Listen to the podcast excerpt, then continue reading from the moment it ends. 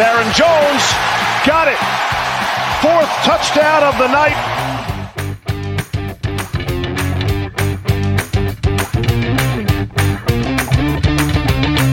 Dit is NFL op woensdag, jouw Nederlandstalige podcast over de NFL, de National Football League.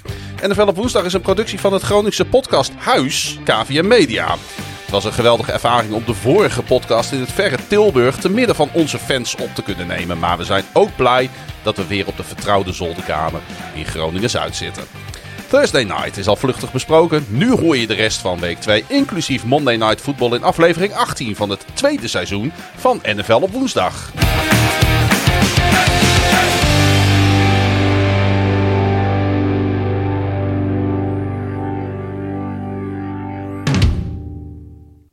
En eh, we zitten alweer achter de podcast mics.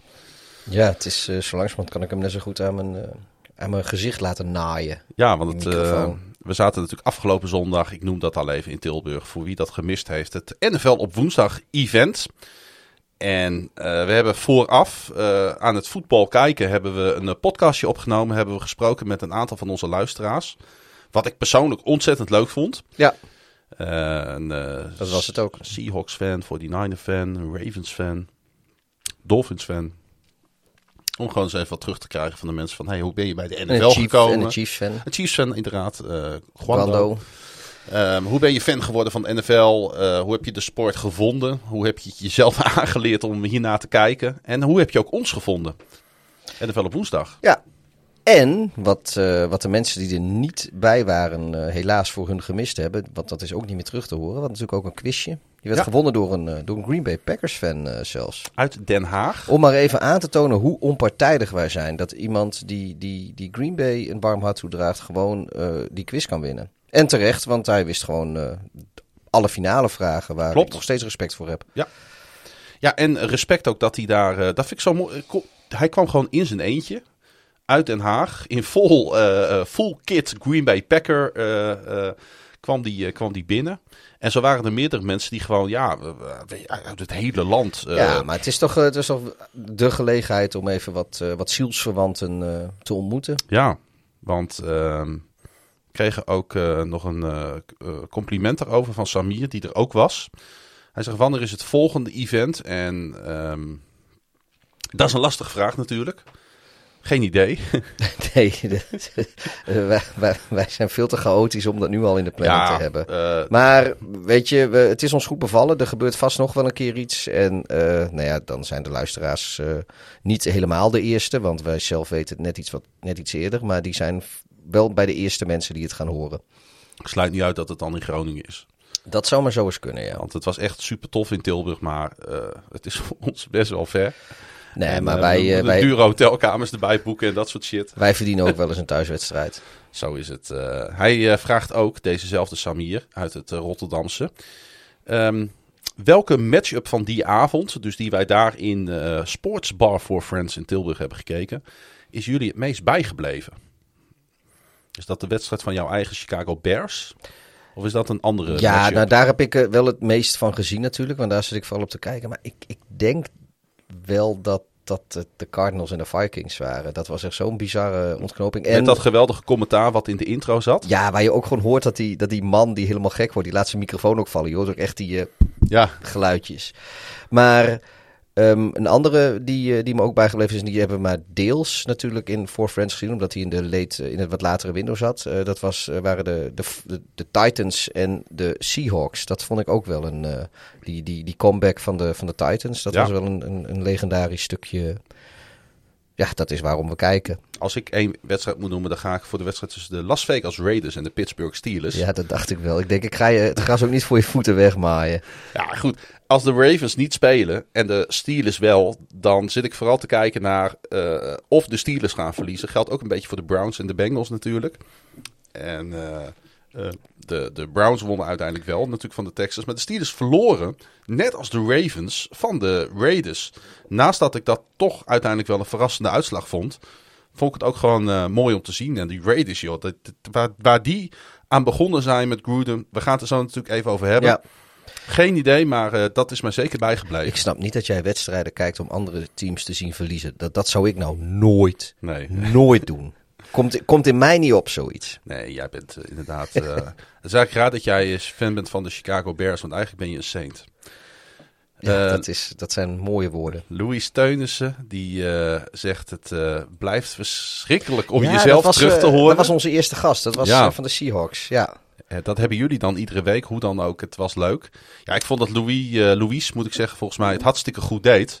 Die trokken wij gewoon random Ja, uit die- het die- publiek. ja, die, die- ging zitten en die, Die deed, was volgens mij nog geen 10 seconden binnen. En toen had hij al een microfoon onder zijn neus. en die deed daar zijn verhaal. En eh, dat deed hij hartstikke goed. En wat mij ook bijgebleven is, is dat hij fan is van de graafschap. Ja, Dat kwam voor mij totaal onverwacht. nee, maar ik vond het wel mooi. Want hij was geboren in de Achterhoek. Ja. eh, En eh, hij zei, eh, er zijn een aantal dingen in je leven, daar kun je nooit, eh, die kun je nooit aanpassen. dat klopt. Hoe zei hij dat ook alweer? Nou, je kan, eh, je kan nog wel eens een keer verliefd worden op een andere vrouw. Maar eh, een, een sportclub die, die blijft bij je voor het leven. Precies. En, Zo, dat was volgens mij een beetje de gist van, van wat hij zei. ja, en daar staan wij achter. En over wat, wat jezelf terugluisteren betreft. ik, ja, ik ben zo arrogant dat ik deze podcast ook wel eens terugluister. Als hij heel lang is, niet altijd helemaal. Want ik wil ook wel eens dingen horen die ik nog niet eerder gehoord heb in een week. Maar het went, in het begin vond ik het ook heel raar. Maar het went echt heel snel om jezelf terug te horen. Klopt. Ehm, ik moet ondertussen af en toe even een slokje drinken nemen. Want Ben je alweer ziek? nou, mijn stem. eh, ik heb gisteren, toen ik terugkwam uit Tilburg, twee podcasts opgenomen. Het was nog een reis, jongen. Een onmelandse reis om terug te We komen. hadden, we- Voor mijn gevoel hebben we echt de hele maandag in de trein gezeten. We zijn om één uur vertrokken van eh, Tilburg Centraal. En eh, we kozen ervoor, een beetje onze eigen schuld, om niet via de korte route te gaan met meer overstappen Den Bosch-Utrecht. Maar om die lange omreis te maken via Os, eh, Nijmegen, En Arnhem. Ja. En dan Zutphen, Deventer, eh, Zwolle. Ja, het is een half uurtje langer, maar we hadden zoiets van de eerste klaskaarten. Dan gaan we gewoon lekker in de eerste klas zitten en eh, dan gooien we onze billen in de stoel. En eh, pas in Zwolle hoeven we een keer weer op te staan. Precies. En dan kunnen we weer in één keer door naar Groningen. Maar er ging echt van alles mis, hè? Dat ging helemaal anders. Ja, er was assistentie nodig op station Den Bosch, want er is iets in die trein gebeurd.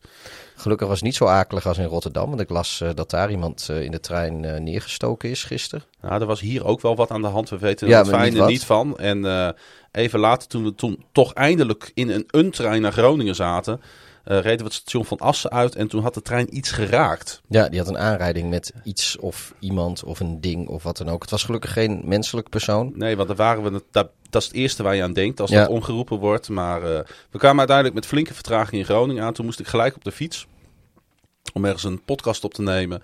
En toen ik terugkwam moest ik hier eh, bij KVM Media ook nog weer het, eh, de eerste aflevering van seizoen 2 van de Woeso Radio opnemen. De podcast over onze Groningse basketbaltrots Donar. Ik heb, eh, ik heb thuis gewoon een sushi besteld en ik ben gewoon niet meer van de bank gekomen. Ja, heerlijk. En eh, eh, we zijn vandaag, vandaag is dinsdag, de hele dag met voorbereiden bezig geweest. Nou, van heb- deze podcast. nou, niet de hele dag. ja, ik heb niet ook gewerkt, hoor, het is gewoon niet waar. Maar eh, het is uiteindelijk... eh, nu is het woensdag. Het is na middernacht. En eh, we gaan proberen om nou, in een uurtje of twee... ongeveer toch echt wel deze podcast op, op de tape te krijgen. Mhm. Ehm, nog een laatste bericht over ehm, de podcast op locatie van Erwin. Hij zegt het was erg leuk. En hij koppelt tegelijk een standaard vraag aan. En ik dacht misschien is dat wel een leuke vraag dan om, eh, om ook nog even in dit blokje te behandelen. De standaard week 2 vraag. Welk 0-2 team haalt nog de play-offs? En welk 2-0 team leeft boven haar stand? Oeh, dat is, eh, dat is altijd mooie. Want, Nou, er zijn niet zoveel 0-2 en 2-0 teams. Nee, Er zijn vooral heel veel 1-1 teams na deze week. de Broncos zijn 2-0, de Raiders zijn 2-0. En dat is volgens mij alles wat 2-0 is in de hele AFC. En in de NFC heb je eh, de Buccaneers en de Panthers die 2-0 zijn. Ja. En eh, de NFC Best heeft drie 2-0 teams met de Niners, de Rams en de Cards. Er is dan voor mij ook maar één team wat een beetje boven de stand leeft. En dat zijn de Denver Broncos, die gewoon een soft opening hebben met drie thuiswedstrijden. Tegen teams die gewoon aanmerkelijk en aanwijsbaar Ja, want minder zijn. ze gaan ook wel 3-0, want ze spelen straks tegen de Jets. Daarom, die gaan naar 3-0 en daarna gaan ze het gewoon lastig krijgen. Die gaan echt hun wedstrijdjes nog wel verliezen. Ja, ben ik moet nog zien of de Broncos eh, uiteindelijk de playoffs halen. Ik ben wel onder de indruk van de rebuild de laatste twee jaar van de Broncos. En, eh, maar het is geen... eh, als je alle twee 0 teams bekijkt, horen zij, nou ja... Ja, en ik moet wel zeggen, eh, eh, als ik dan nog een NFC-team zou moeten aanwijzen van waar ik twijfels bij heb, zijn dat toch de Niners. Want die hebben met de Lions en de Eagles nou niet direct het meest lastige programma eh, voor de kiezer gehad. Wel twee keer uit, als ja ik het ik wou net zeggen, dat zijn wel, Wel, twee... wel twee keer uit. Ze hebben Maar- zelfs een week in die timezone Ja, nee, maar, maar goed. een trainingskamp opgeslagen. Maar, maar wat, wat natuurlijk wel zo is, is dat als jij serieus voor de playoffs mee wil doen, dan moet je ook gewoon van de Eagles en de Lions winnen. Dat deden ze wel, maar ik vond het eh, in beide gevallen vond ik het nog niet echt dat ik zeg van nou, ik ben overtuigd. Dus ik, ik- Zeker afgelopen weekend niet, want het was gewoon, laten we gewoon eerlijk zijn, een ongelofelijke zaadpot. ja, maar ze lieten de Lions toch ook weer bijna terugkomen Ja. in de wedstrijd. Weet je, het, het was niet... eh, ehm, ja, maar ik zeg, ze winnen wel en, en winnen is winnen. Hmm. Maar eh, ze hebben me nog niet overtuigd dat... ik denk dat, dus wat ik nu zo zie, is dit het zwakste 2-0 team in de NFC. En heb je toevallig de 0-2 teams ook eh, in het vizier? Nou, laten we dan weer beginnen bij de AFC. En dan zijn de 0-2 teams dun gezaaid. Dat zijn de Jets, de Jaguars en de Colts. En in de NFC zijn dat de Giants, de Lions en de Vikings en de Falcons. Nou, het enige 0-2 team wat daarbij staat, waarvan ik denk die zijn beter dan 0-2 eh, potentieel, dat zijn de Vikings. Ja, ik denk wel van, van al deze 0-2 teams die ik net genoemd heb. Ja, ik denk wel dat dat... eh, De Colts zouden daar ook bij kunnen horen bij, maar ik, ik, ik- die hebben zoveel problemen, die Ja, hebben zoveel gaten op dit moment. En die hebben zo'n beroerd roster de komende weken nog eh, eh, voor de boeg dat... ja, ik vind de Vikings hebben echt wel veel pech gehad hoor, de eerste twee weken. ja, dat... Een overtime loss tegen de Bengals. En de manier waarop ze dan afgelopen weekend van de Cardinals hebben verloren. Ja, dan zit het je niet mee. Dat, nee, dat, dat, dat- ja, nee, dat, ik, ik, Vikings hebben het, Viking fans hebben het ook echt niet makkelijk. Het was ook een vraag Nee. in onze quiz, eh, weet je, dat is ook een van die teams die al vier keer een Super Bowl gehaald heeft, maar er nog geen één heeft gewonnen. Ja, Weet je, samen met, eh, samen met de Bills. Maar, eh, ja, nee, Vikings fans die, die, die mogen vaak ruiken aan, aan succes, maar op het moment dat het dan echt tot wasdom moet komen, dan wordt het ook heel hard voor hun neus weggetrokken. goed, we gaan meteen natuurlijk naar eh, al die wedstrijden toe. Die 15 wedstrijden die we nog even moeten recappen. Maar ik stel voor dat we eh, gaan beginnen met de NFL, maar dan snel. We reizen af naar Cleveland, waar de fans al dagenlang in de rij stonden voor de tailgate. Tegen de Texans werd het spannender dan verwacht, dus ze keken met het zweet in de bilspleet. De gedoodverfde verliezen bood tegenstand, maar wel zwaar. Maar zelfs met Davis Mills maakten ze het toch niet klaar. Moeders in Pittsburgh hielden hun dochters binnen, want Ben Roethlisberger speelde met zijn Steelers voor de eerste keer in eigen huis. Dit leverde zoveel opgekropt zaad op bij Big Ben, dat hij het kwijt moest in zijn spel. Check waarmee James Winston voor zijn oogoperaties betaalde was blijkbaar niet gedekt. Want ergens in de afgelopen week werd hij in een donker steegje in een busje gesleurd. Naar de oogkliniek ontvoerd en werden zijn ogen weer in oude, schele staat hersteld. De bal gooide hij overal, maar zelden daar waar het moest. Voor iemand die zich niet wil laten vaccineren, prikte Kirk Cousins toch maar aardig wat balletjes door het oog van de naald. Baten mocht het allemaal niet, want er is geen vaccin opgewassen tegen het virus dat een kikker krijgt zodra hij het tenue van de Vikings aantrekt. Er was eens een quarterback in Boston die zei: Ik mag eh, best wel wat kosten. Robert Kraft zei toen: Nee, ga maar fijn naar Tampa Bay. De NFC South kan nu beter kantklossen. Na de oorwassing van Green Bay in week 1 lag de druk vol op de schouders van Aaron.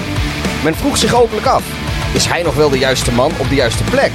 Is hij nog wel gemotiveerd? Is hij nog wel zo goed als we denken dat hij is? Op alle vragen kan volmondig ja geantwoord worden, want Green Bay won vrij makkelijk dankzij Aaron Jones. Hoewel de Dolphins met maar liefst 35-0 aan de kont kregen van divisiegenoot Buffalo Bills, zijn het toch de Jaguars van Urban Meyer die de schande van Florida zijn. Trevor Lawrence gooit ballen die niemand kan vangen en dus vergaloppeerden de Broncos zich niet. En nog even over de Dolphins. Als fans hun lucky schoenen, lucky shorts, lucky shirtje en lucky cap aantrekken, dan uh, moeten de onheilsgoden dat wel afstraffen. Shout-out naar Annie. Hallo, ik ben Robin, de pratende wekker radio. Felicitaties voor Clown Bassie, die 86 jaar werd. Allemaal magisch. Als cadeau deed Lamar Jackson zijn beste acrobaat Adriaan-imitatie. En toen Patrick Mahomes even de binnenkant van zijn ogen bekeek, brak Andy Reid boos zijn headset in tweeën. Drommels, drommels en nog eens drommels.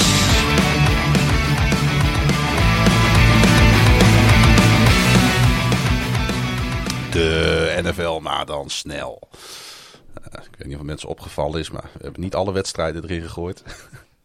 Waren we nog langer bezig geweest.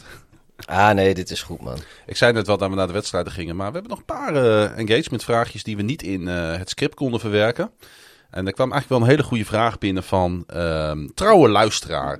En misschien wel onze grootste fan. Uh, Lars Leeftink. Misschien zelfs wel de tweede vriend van de show, Lars Leeftink. en hij heeft een vraag gesteld over de nieuwe taunting rule. En hij vraagt, hoe erg haten jullie die regel en waarom is het antwoord veel?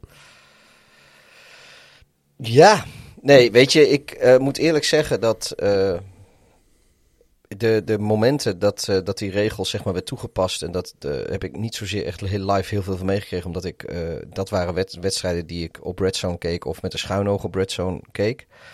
Um, maar ik vind het, de, de regel vind ik gewoon absoluut onzinnig. Ik bedoel, je bent met allemaal betaalde voelprofs, volwassen kerels, die hun hele leven al leven en hebben ingericht om in de NFL te gaan spelen. En het is natuurlijk sowieso is een sport van, van adrenaline, van uh, uh, macho mannen.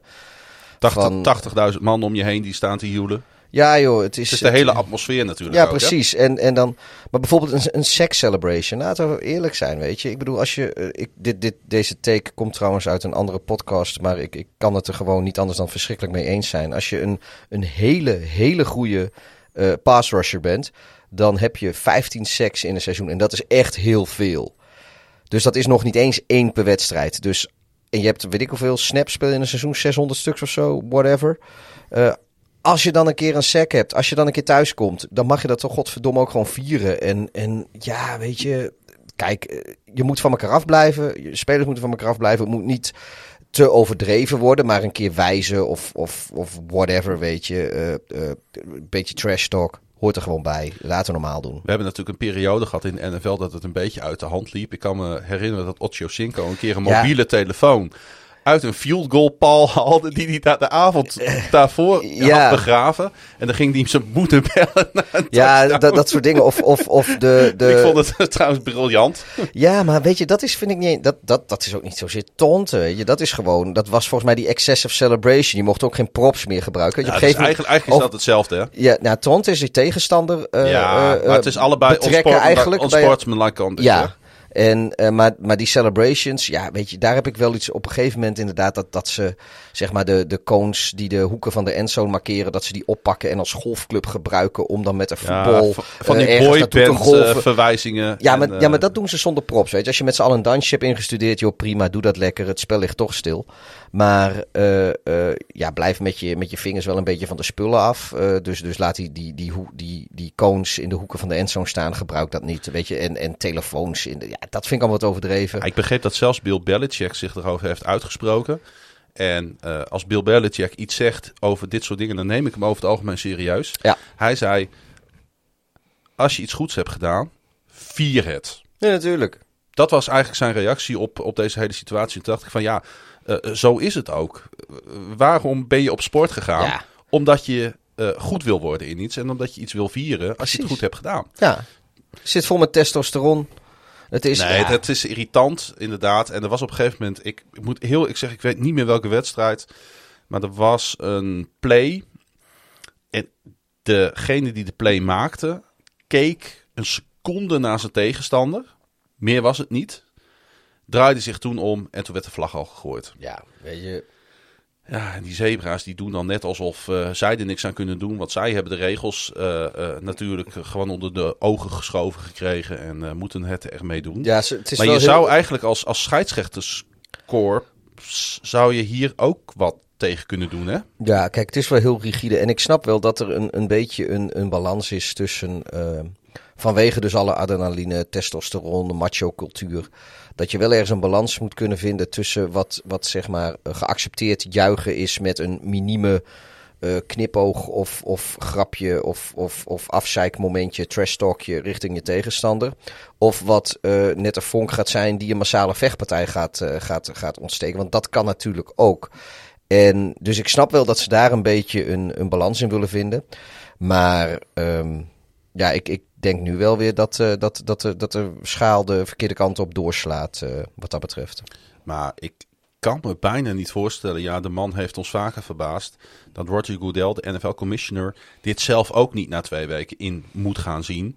En gewoon een verandering hierin moet gaan aanbrengen. Ja, maar dat gaat dit seizoen denk ik niet meer gebeuren. Ja, want Roger Goodell ja. is natuurlijk wel, weet je, je, je, want het is dit seizoen ingegaan volgens mij. Ja. En je, hoe hoe zet je jezelf voor, voor lul? Want ook bij dat soort bestuurders als Roger Goodell, daar geldt ook een soort macho cultuur, ego, langs de piemel, whatever, hoe je het wil noemen.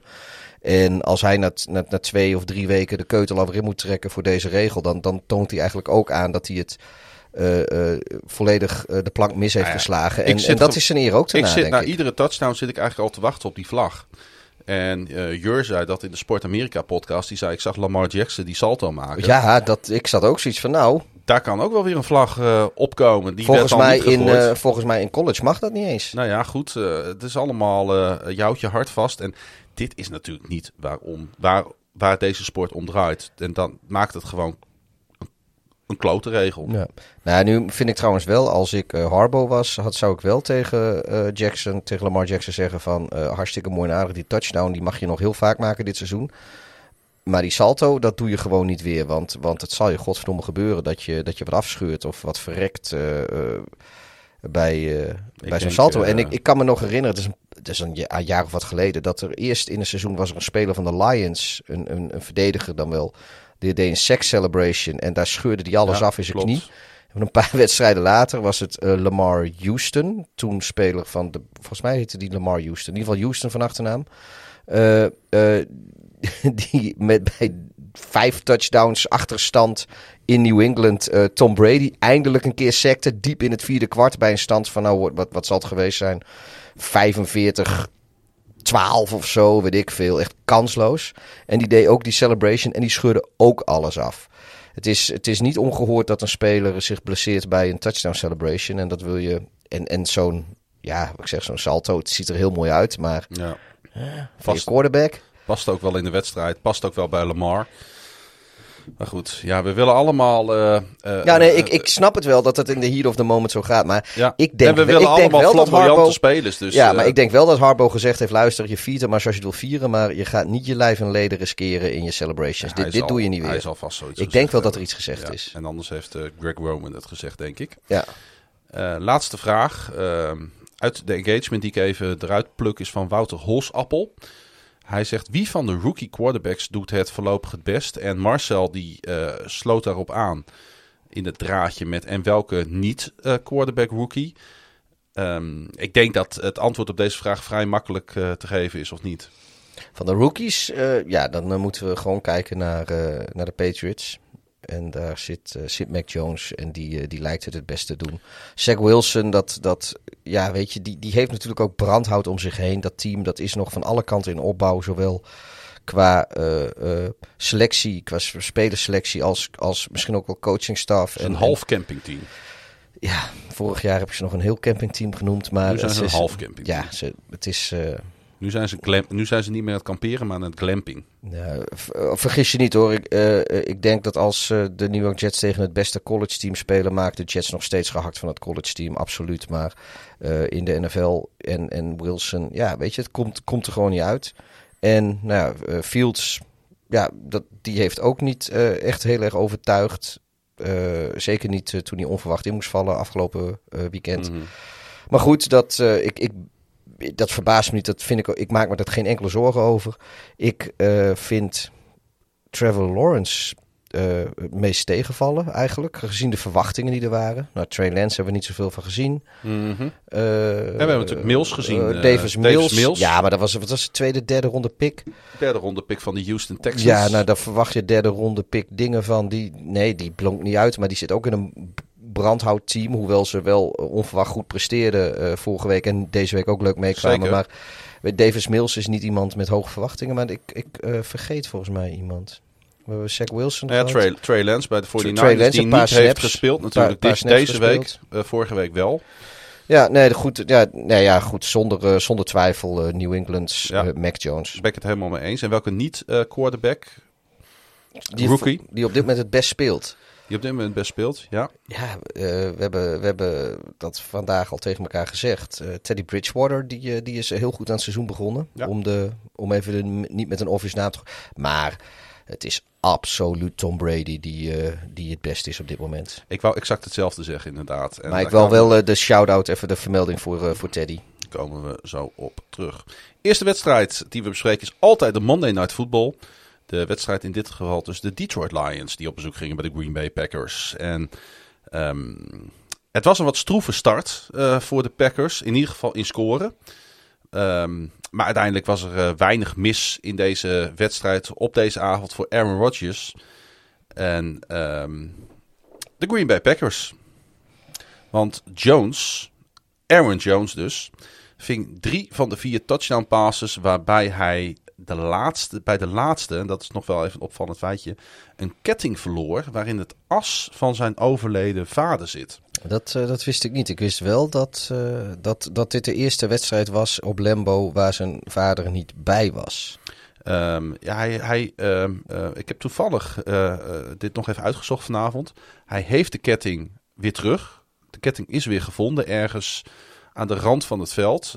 Zijn vader, Elvin Jones senior, overleed dit jaar op 8 april. Ehm, ja, eh, uiteindelijk eh, niet zo van het handje voor de Green Bay Packers. Nee, tot, eh, tot en met de rust eh, leken de Lions eh, leuk mee te gaan. En eh, eh, nou, dat, kon nog wel spannend worden. Dus ik ben, nog, eh, ik ben nog wakker gebleven. Ik heb nog een stuk van het derde kwart gekeken. Maar op een gegeven moment werd het al vrij gauw. eh, was het wel van nou, dit, dit is klaar. En toen heb ik ook gewoon de tv uitgezet en nog even geprobeerd wat slaap te pakken.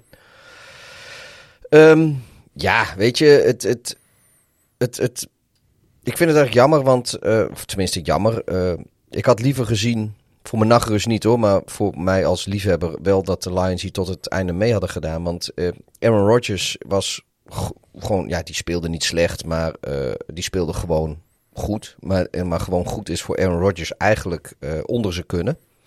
Laten we eerlijk zijn. Mhm.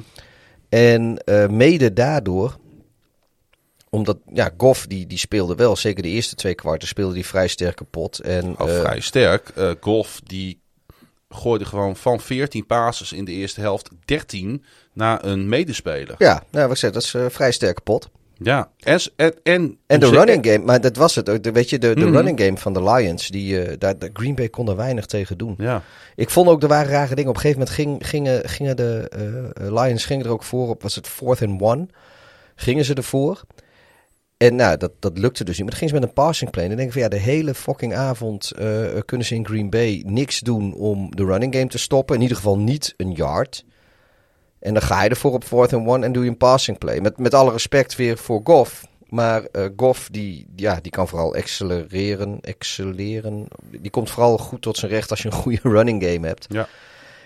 Maar ehm, ja, ik zou bij de fourth and one met, eh, tegen de run die van de, van de Packers... zou ik niet voor een passing play gaan. Vooral was toch wel natuurlijk een beetje, even nog los van hoe deze wedstrijd is geëindigd. Hoe gaan de Packers voor de dag komen na die afschuwelijke nederlaag ehm, eh, van vorige week? 38-3 bij de Saints, waarvan we hebben gezien dat die ook niet zo goed zijn deze week. Ehm, en Ja, maar dat is omdat eh, de, de oogoperatie van James weer Ja. is teruggedraaid, eh, heb ik gehoord, uit betrouwbare bron. Maar eh, ik vond wel. Wij hebben ons behoorlijk gestoord natuurlijk aan die reactie van Aaron Rodgers na die wedstrijd. En hij eh, sprak natuurlijk na deze wedstrijd weer met de pers. En zo had hij het over de overreactions na week 1. Nou, dat had jij ook al aangestipt. Van Ja, nou na week 1 niet te veel Hij luistert, eh, ja, hij luistert eh, denk ik naar deze podcast. Want inderdaad, ik heb volgens mij vorige week gezegd dat eh, de, de week tussen week 1 en 2 is de week van de overreactie. En dat, daar, daar, daar refereerde hij ook aan. En toch eh, Maar 38-3, neem ik, niets, neem ik 38, echt ja. niets terug van wat ik vorige week heb gezegd Nee, hierover. nee, 38-3 is wel gewoon 38-3. Of het nou week 1 is of week 8. Dat maakt geen reet uit. Nou, hij had het over de trolls. De trolls of our back. Dat die nu eh, weg zijn na deze prestatie.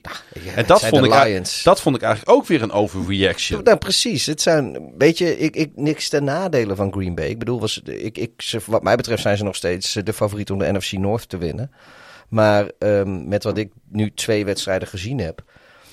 Ja, ze zijn eh één geblesseerde receiver verwijderd van, eh, van enorme problemen. Want Aaron Jones heeft het natuurlijk geweldig gedaan. Hij werd de Ja. eerste Packers running back die drie touchdown passes ving in één wedstrijd.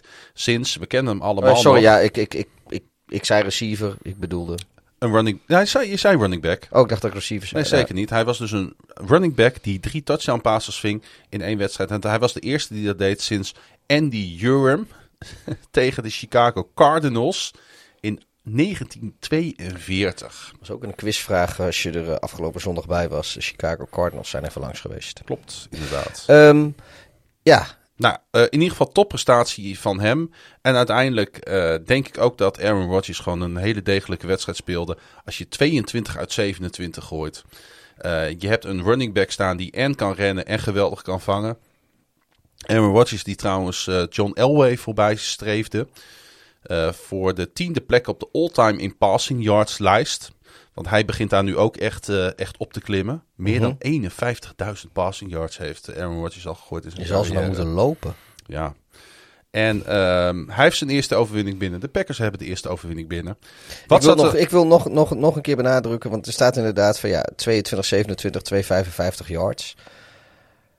Maar je speelt thuis tegen de Lions. Ik, ik, ik, dit is, dit, ja, ik vind dit geen Aaron Rodgers-eske cijfers. Ik ben, eh, tuurlijk, die 28, of 38-3 van week 1 was, eh, was niet representatief.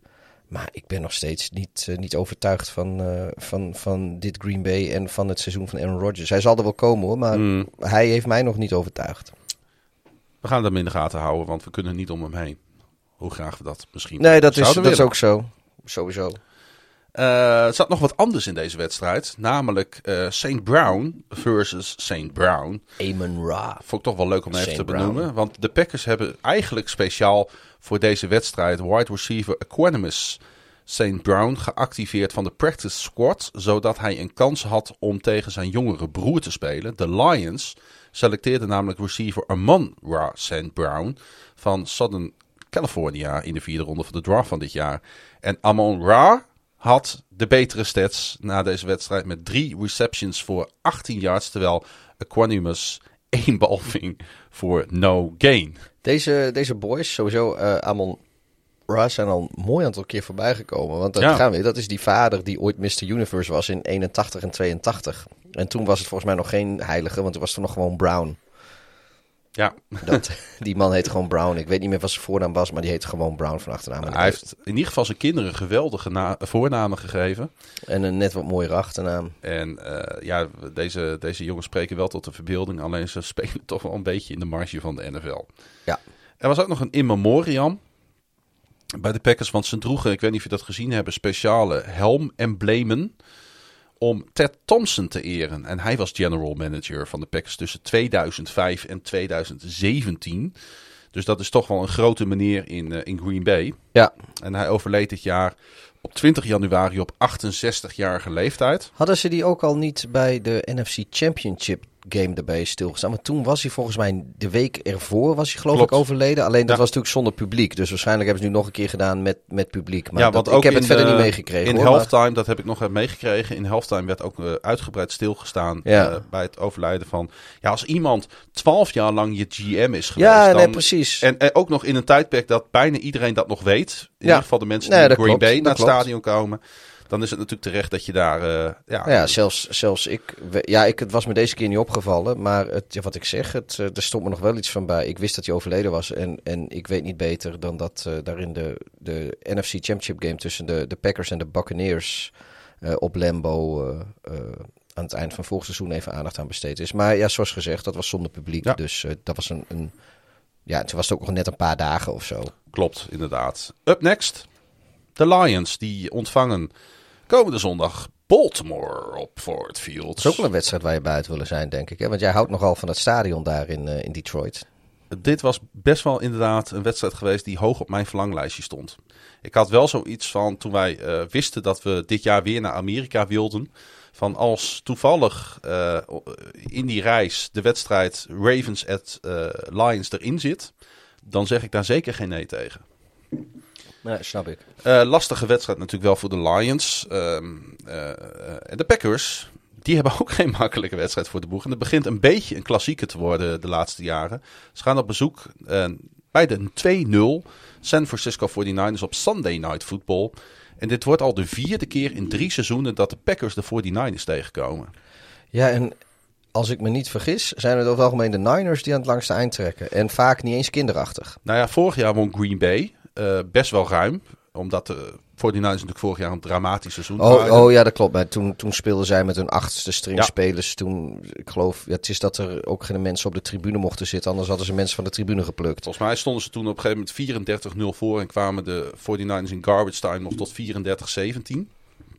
Maar inderdaad, twee jaar geleden gingen de Packers genadeloos onderuit inderdaad tijdens het reguliere seizoen. Toen zaten wij in, die, eh, in Wrigleyville in die sportbar. Juist, en toen werden de, eh, de, de Packers helemaal Ja, weggespeeld. Sunday Night Football en niet zo'n klein beetje ook, hè. Ja.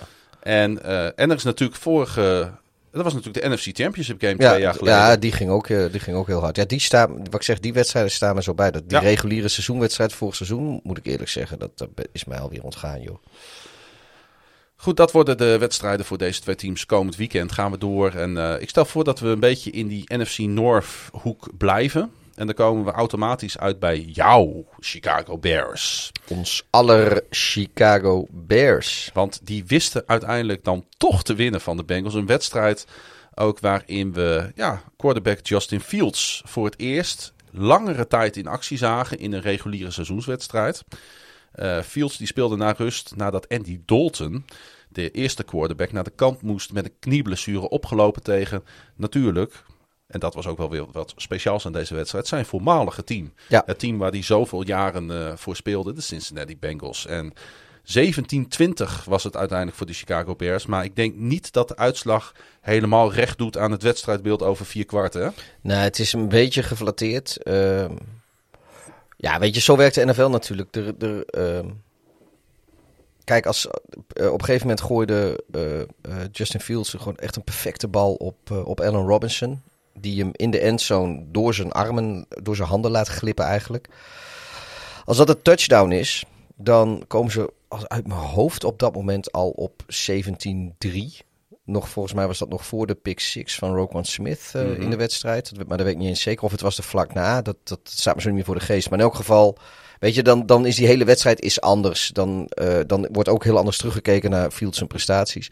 Maar ehm, ja, wat, eh, wat, die, wat, wat we in het script hebben staan van uiteindelijk toch wisten te winnen. Dat vind ik hem niet helemaal recht doen aan de wedstrijd. Want in principe hebben de, de Bears eh, eh, vrij vlot in het begin de leiding genomen in die wedstrijd. Niet, ze hebben hem niet echt uitgebouwd. Nee. Leiding Ehm, ook, maar de maar leiding ze hebben hem ook nooit meer weggegeven. weggegeven. Nee. het, kwam, het, het werd nog wel een beetje spannend op het eind. Dat, dat is waar. Omdat eh, ja, de, de, het ging even niet helemaal lekker. En de, en de, de Burrow en de Bengals hadden een paar lucky breaks ook. Nou ja, het ging niet helemaal lekker. Eh, de Burrow kwam opeens met een 42 jaar touchdown pass op Jamar Chase. En toen werd Fields ook nog eens kort daarna geïntercept door Logan Wilson. Ja, En Burrow wist in, die, in de eerste play na de interceptie gelijk T. Higgins te vinden voor een 7-yard touchdown op de volgende play. En toen stond het opeens 2017 met 3.39 op de klok. En dan ga je toch eh, even weer verzitten op die stoel Ja. waar jij eh, de hele avond eigenlijk een beetje onderuit gezakt op zat. ja ik zat vrij comfortabel eh, naar de Bears te kijken. En op het, op het laatst had ik toch zoiets van, nou... ehm, Maar ik moet, ik, weet je, ik, ik weet nog steeds niet goed wat ik moet met dit seizoen. Ik verwacht, ik heb volgens mij in de voorspellingspodcast uh, zeven uh, keer winnen en tien keer Mhm. verliezen voor de Bears voorspeld. Ehm, ja, dat, daar blijf ik op dit moment bij. Maar ik, zit, ik wil vooral dat uh, uh, voor het eerst in mijn fanschap als Bears-fan... en volgens mij zo'n beetje iedereen die nog leeft en naar de Bears kijkt...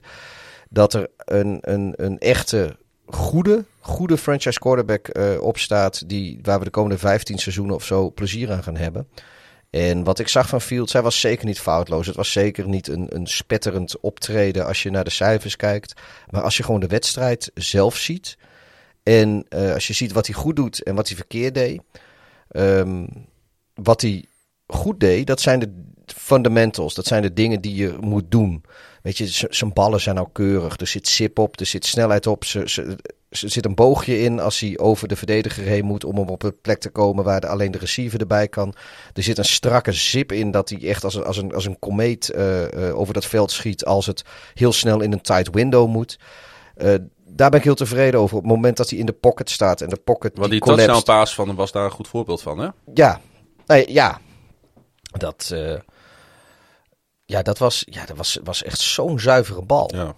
Um, maar ook als hij in de pocket staat, als de pocket om hem heen, als daar wat mee gebeurt, hij blijft om zich heen kijken. Hij blijft uh, rustig uh, en, en kalm en, en composed. En, en dat zijn dingen die, die kun je niet zo snel leren. En de dingen die hij niet goed deed, ja, weet je, dat is. Uh, hij, hij gaat naar zijn eerste read, zijn tweede read. Zijn, uh, en dan gaat hij even weer terug naar zijn eerste. En dan gooit hij hem blind naar zijn tweede read. En dat is die interceptie. Omdat hij had verwacht dat die verdediger. Uh, die ziet hij op zich afkomen vanuit de ooghoek. Hij checkt even de rest van het veld. Hij komt weer terug en hij ja. gooit een soort van blind. Wilson van de Ja. Bengals. Ja. En hij had gedacht dat, dat, die, die, dat Wilson door zou lopen richting hem. En dat had hij niet gedaan. Die had zich weer terug laten zakken in coverage. En toen was het een simpele interceptie. Het ziet er heel lullig uit. Maar dat zijn dingen die ten eerste uh, uh, quarterbacks als uh, Mahomes gooien dat soort intercepties ook nog steeds. Het is geen schande Mhm. in die zin.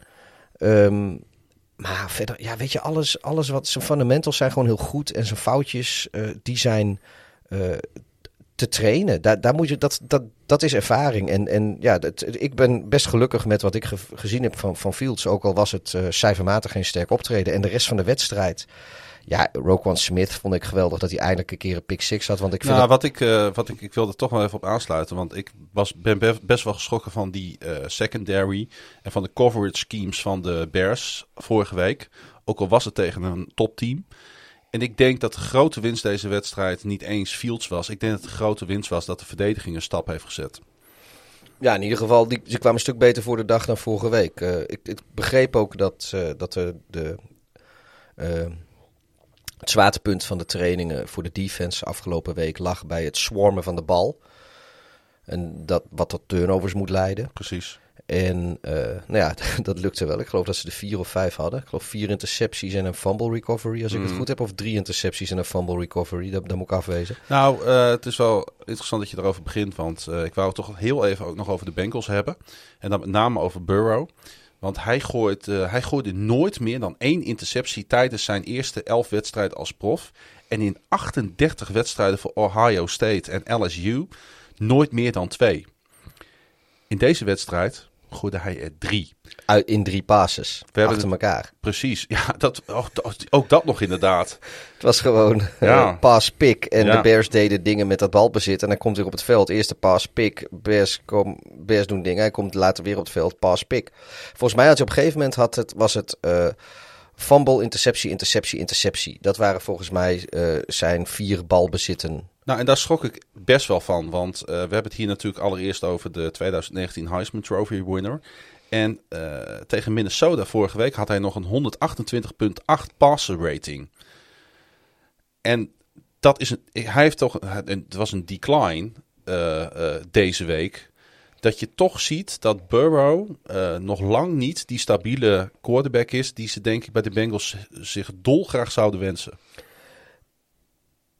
Ja, um, ik, weet je, als, ik, ik denk wel, als die Bears defense, als die één keer het momentum hebben, dan is het nog steeds een van de gevaarlijkste defenses in de NFL. Er zitten gewoon, uh, uh, als, als het klikt en als het lukt, dan hebben ze daar gewoon uh, absolute beesten ja, van spelers. de, de maar Vikings ook, defense was toch ook niet misselijk. En daar wist hij constant doorheen te splijten met zijn basis.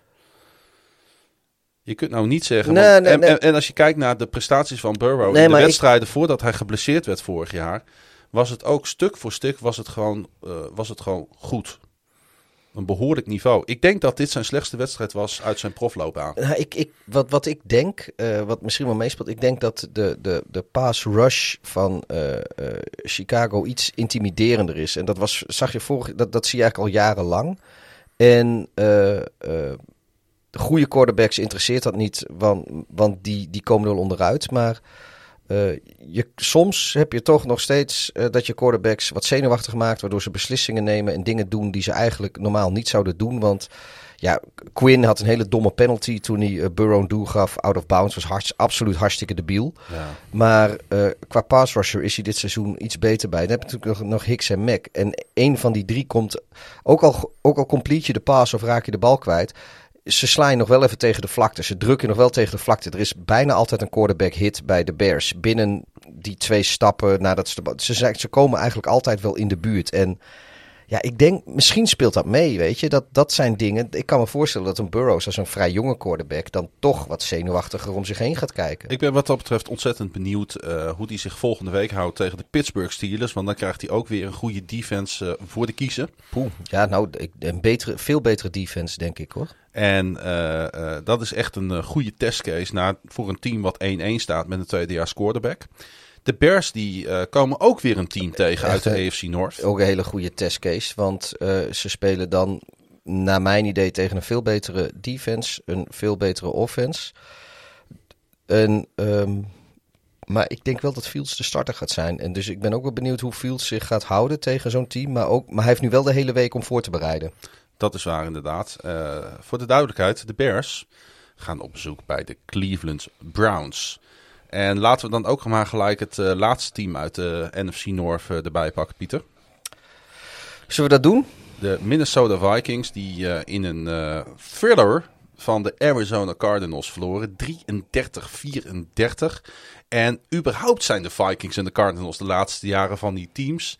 De, die, die op Bredzone veelvuldig voorbij ja, komen het, met dit soort wedstrijden. Het is, het, ja, het, het, was heerlijk om te zien. Ik, uh, het is, het is een, uh, geen, geen groot geheim dat ik uh, niet, niet een, de grootste fan ben van Kirk Cousins. Maar weet je, als, als het een beetje mee zit met hem, dan, dan kan hij wel echt, echt, echt droomballen gooien hoor. Dan is het wel een hele fijne quarterback. Ja, het begon al gelijk. Hè. Op de tweede play van deze wedstrijd ja. vond hij weet even niet meer wie ik dat geloof was. Dat, uh, maar, dat, uh, dat Scott Hansen van, van NFL Red Zone, die was nog nauwelijks uitgesproken met zijn seven hours of commercial-free football. Ja, Start al, now. En het eerste wat ze deden is, oh ja, dat was een touchdown ja. bij, bij de Cardinals.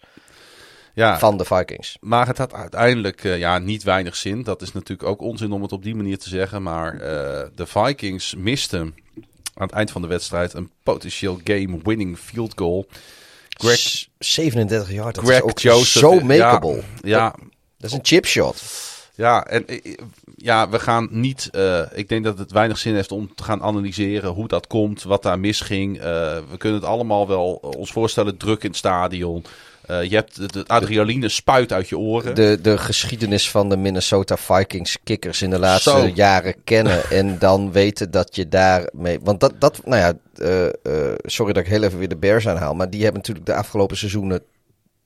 Tot vorig jaar en dit jaar ook een kikkerprobleem gehad. Hmm. En ik weet ook gewoon dat de kikkers waren, die komen er dan.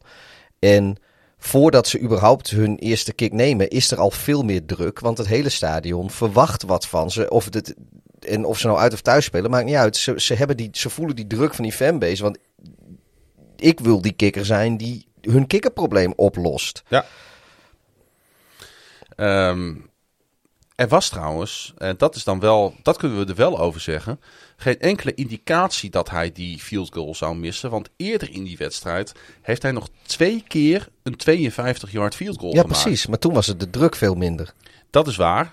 Maar dan is het toch raar dat je natuurlijk deze, wedst- dat je deze field goal mist. Het paste wel in deze wedstrijd. Want eh, wat een pot. Ja. Acht keer wisselde de voorsprong van team. We hadden het net over de Chicago Bears die de hele wedstrijd voor hebben gestaan. Nou, in deze wedstrijd wisselde dus de voorsprong voor een team acht keer.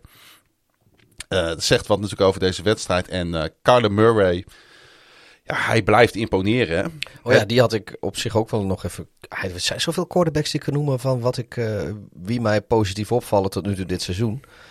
Ehm, ja, Kyler Murray zit er ook bij. Hij gooide voor 400 yards. Dat is echt niet misselijk.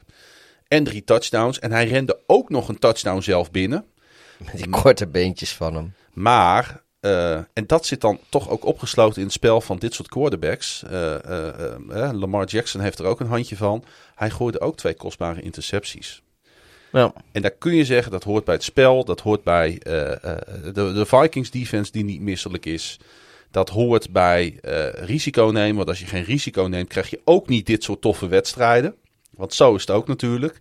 We kunnen ons allemaal nog die Hail Mary herinneren van Kyler Murray van vorig seizoen. Het zijn heerlijke spelers om naar te kijken. Er is nog steeds maar één quarterback die 50 wedstrijden op meer heeft gespeeld in de NFL die nog nooit een pick six gegooid heeft. Huh? Mitchell Trubisky. Dus ik vind een bizarre statistiek, maar ik, ik vind hem heerlijk. Hey, de Vikings, eh, Pieter, hè, die krijgen eh, toch een beetje klap op klap, tik op tik. Na de overtime nederlaag bij Cincinnati vorige week glippen ze nu dus deze wedstrijd door de vingers. Ehm, die zijn het seizoen echt wel eh eh, moreel, moraal moet ik zeggen. Nee, moreel. Hoe noem je dat? Qua moraal slecht begonnen. Sorry, qua moraal slecht begonnen. Ja, weet je, die, die, die krijgen klap na klap eigenlijk. Ja, En vooral, eh, en de fans ook trouwens, vooral als het, eh, het radiocommentaar van, van de eigen Minnesota Vikings radio eh, announcer hadden gehoord. Want dat, eh, dat ging als volgt. High snap, put down. Joseph, come on! It is gone! No it. good. Are you kidding me? He missed it right. He missed it right. Oh, Are you my kidding heavens. me? Oh. Oh my. This He missed it right. what a gut punch to a team. Ik weet niet hoe de beste man heet, maar hij, eh, hij, iedereen die dus luisterde naar de Vikings radio eh, uitzending, die dacht dat de winnende field goal binnen was. Ja, de, de, de, Hij de zag het verkeerd. Ja, ze zitten er volgens mij met z'n drieën. Of in ieder geval eh, eentje die zegt van ja, it is good. En dan hoor je twee mensen, nee, Nee. nee. en, dan, en die volgens mij die eerste gast, we horen volgens mij ook heel lang niet terug. Hij, die, die, die, die begroef volgens mij zijn hoofd achter onder het bureau, bij wijze van spreken. Want Ja, die, ja. Ja, weet je, ik, ik snap wel, want we, we hebben zelf ook wel eens eh, naar wedstrijden zitten kijken. Dat we, Ja. als je niet meteen let op de zebra's, wat die handjes Ja. doen, dat je denkt hij zit wel, hij zit niet. eh, Ja. oh, dit, Ehm, ja, en, en ja, dit is helemaal lullig, weet je. Ik kan me voorstellen, joh, dan rij je daar door Minneapolis ergens en dan zit je in je auto en je luistert naar de commentaren en je denkt, yeah. En dan toch niet. Ik bedoel, kom op man. Wat, wat voor... Wat, wat voor achtbaan van emoties is dat? En die Denk- hele wedstrijd was al een achtbaan van emoties. ik denk dat het de perfecte samenvatting is van het seizoen van de Minnesota Vikings tot nu toe. Hadden ze, de- hadden ze nou maar met Prader gehad, ja, de want wat, kikker dat- aan de andere kant. Wat, wat het bizarre dus van deze wedstrijd is, is dat van deze misser, de, zowel de, de, de, de telecast commentaar die we in onze intro hadden, is fucking legendarisch. Zo. Maar dit eigenlijk ook. Dus je hebt van hetzelfde moment heb je, heb je twee verschillende commentatoren die twee compleet verschillende dingen zien en twee, Hmm. twee compleet verschillende manieren reageren. En toch is het allebei legendarisch. Dat vind ik eigenlijk best wel mooi, want dat hebben we ook niet vaak. Nee. En toch blijft, eh, het is een beetje flauw om te zeggen, maar hadden ze nou maar met Prader gehad. Ja. Dat is natuurlijk een van de, een van de beste kickers uit de league. Eh, hij schoot vlak voor rust een 62-yard field goal binnen. En hij kwam daarbij dichtbij zijn eigen NFL-record van 64 yards. Een eh, record die hij noteerde in 2013 toen hij voor de Denver Broncos speelde. Natuurlijk, Mile High staat bekend als een stadion waar je eh, eh, verre field goals kan maken door de, door de ijle lucht, door de hoogte. Heeft, eh, heeft Tucker ook geen 62, of was dat de 61 jaar? Dit- Ook ja, in Detroit 61 toen. in Detroit. Dat is eh, acht jaar geleden, ja. want ze moeten volgende week weer Detroit. Ja. Die zaten wij samen volgens mij te kijken bij mij. De... Een Monday night winning. Het, was, het was in ieder geval primetime. Het was Sunday of Monday, Monday, want het was- Monday. het was echt vroege ochtend dat wij daar door de, door de kamer dansten. Ja, ik zal dat ook nooit meer vergeten. Ehm, ehm, en eh, één dingetje nog uit deze wedstrijd halen bij, met jouw toestemming. Wel ja, joh. Patrick Peterson. is jouw podcast. Patrick Peterson. Hij keerde natuurlijk terug op het oude nest. Hij maakte tijdens offseason de overstap van de woestijn naar de Vikings. En de drievoudig All-Pro speelde tien jaar voor de Cardinals. Onwis- onuitwisbare indruk natuurlijk daar achtergelaten. En hij noteerde in die periode 28 intercepties. En hij was trouwens in deze wedstrijd eh, was hij opvallend afwezig. Met eh, slechts twee tackles. Maar ja, blijft natuurlijk een legendarische Cardinal wat dat betreft, Patrick. Ja. Peterson. Ehm, de Vikings spelen komend weekend voor het eerst thuis. Dus die hebben natuurlijk ook geen makkelijke openingsserie gehad. En ontvangen daar de Seattle Seahawks. De Cardinals reizen af naar Jacksonville. En eh, Arizona trouwens, die hebben het ook niet super makkelijk. Die zijn er wel 2-0 gestart, maar die spelen van de eerste vier wedstrijden drie buiten Glendale. Maar Jacksonville is dan, zoals nu lijkt, niet de, de pittigste tegenstander die je kan wensen. Absoluut niet. Ehm, zullen we dan eh er nu maar voor kiezen om eh, in de divisie van, eh, van de Cardinals te blijven? De NFC West. Ik heb liever dat we naar de NFC East gaan voor deze wedstrijd in elk geval. San Francisco 49ers. Het Philadelphia Eagles. Ja, Lekker flauw. wat moeten we... Ja, dat geeft niet. Wat moeten we nou over deze wedstrijd zeggen? Als het niet kan zoals het moet, dan moet het maar zoals het kan. Nou, wat, eh, wat voor mij deze wedstrijd een beetje samenvat is... eh, we zaten natuurlijk zondag in, eh, in Tilburg dit te kijken. En er waren geloof ik een drietal Niners-fans. Sowieso Lodewijk die bij ons voor de camera gekomen is. En Voor de camera zelfs. Of sorry, voor de microfoon. En Arjen, Arjen Kruidhoff volgens mij was ook Ja, van... die, zat, zeker. die was er ook. En ja, misschien dat ik er nog, ik, nog één over het hoofd... eh, ja, er was nog een Niner. Ja, maar even zijn naam kwijt. nee, precies. Dus Ja. eh, sorry daarvoor. Ehm, maar die zaten daar met z'n drieën samen met Guando van de Chiefs. Zaten volgens mij met z'n vieren zaten ze deze wedstrijd te kijken. En ik weet dat ik op een gegeven moment eh, fluisterde Lodewijk me toe van... Ja, dit, dit, dit schiet echt niet op. Hier gebeurt helemaal niks. En als je, ja, als je heel erg van verdedigend voetbal houdt, dan, dan kun je er nog wat uithalen. Of maar als je heel erg van slecht aanvallend voetbal houdt. ja, dat is misschien wel meer. Maar dat, eh, dat is eigenlijk het enige wat ik van deze wedstrijd weet. Plus de, de twee minuten durende samenvatting die ik gezien heb. Want dat is echt alles wat ik van deze Ja, wedstrijd volgens mij weet. zijn die jongens ook op een gegeven moment eh, hun ogen gaan richten op Red Zone. Omdat dat gewoon eh, altijd veel leuker is. Ja, wat heeft dan deze wedstrijd uiteindelijk gewonnen Ja, op het eind was het 49ers? nog heel even leuk. Toch? In het vierde Ja, kwart gebeurde er in één keer nog, nog wat. gebeurde er nog Zoals wat inderdaad. heel vaak. Maar uiteindelijk is het dan toch, waren het de benen van Jimmy Garoppolo die deze wedstrijd winnen. Hij gooide één touchdown, hij rende er zelf één binnen. Eh wedstrijd was af en toe gewoon wat vervelend om naar te kijken. En ehm, eh, ja, aan de andere kant inderdaad, die 49ers defense, die staat er dan ook wel weer goed voor. Dat moet je dan ook eerlijk zeggen. Ja, Als je maar eh, 11 punten tegen krijgt, Nick Bosa, zijn redelijk fit. die was weer overal en nergens. Twee seks genoteerd. Ehm, ja, en, eh, en Jalen Hurts ehm, eh, wist slechts 12 passes af te leveren deze wedstrijd. Wel een paar hele mooie trouwens hoor. Ik heb wel eh, een paar hele highlight reel passes gezien. Mm. Maar eh, qua rendement zet het niet heel veel zoden aan de dijk. Nee. Maar goed, de Eagles die kunnen natuurlijk een makkelijker tegenstanders treffen dan de 49ers. Eh, de 49ers gaan weer naar huis. Met twee overwinningen op zak. Het team verbleef namelijk een week lang op de Greenbrier Resort in West Virginia. Omdat de twee uitwedstrijden moest spelen in de Eastern Time Zone natuurlijk. En ik denk eh, dat de conclusie ja, is... vorige week was eh, Detroit.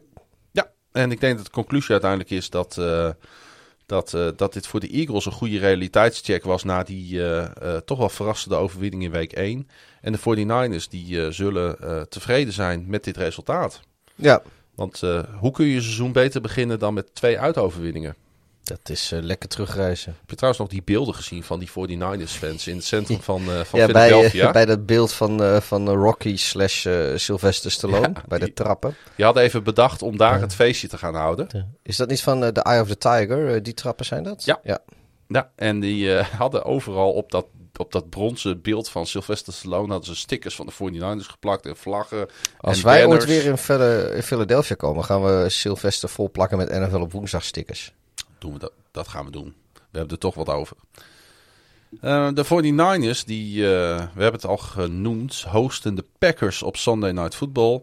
En de Eagles die gaan op bezoek bij NFC East rival Dallas Cowboys.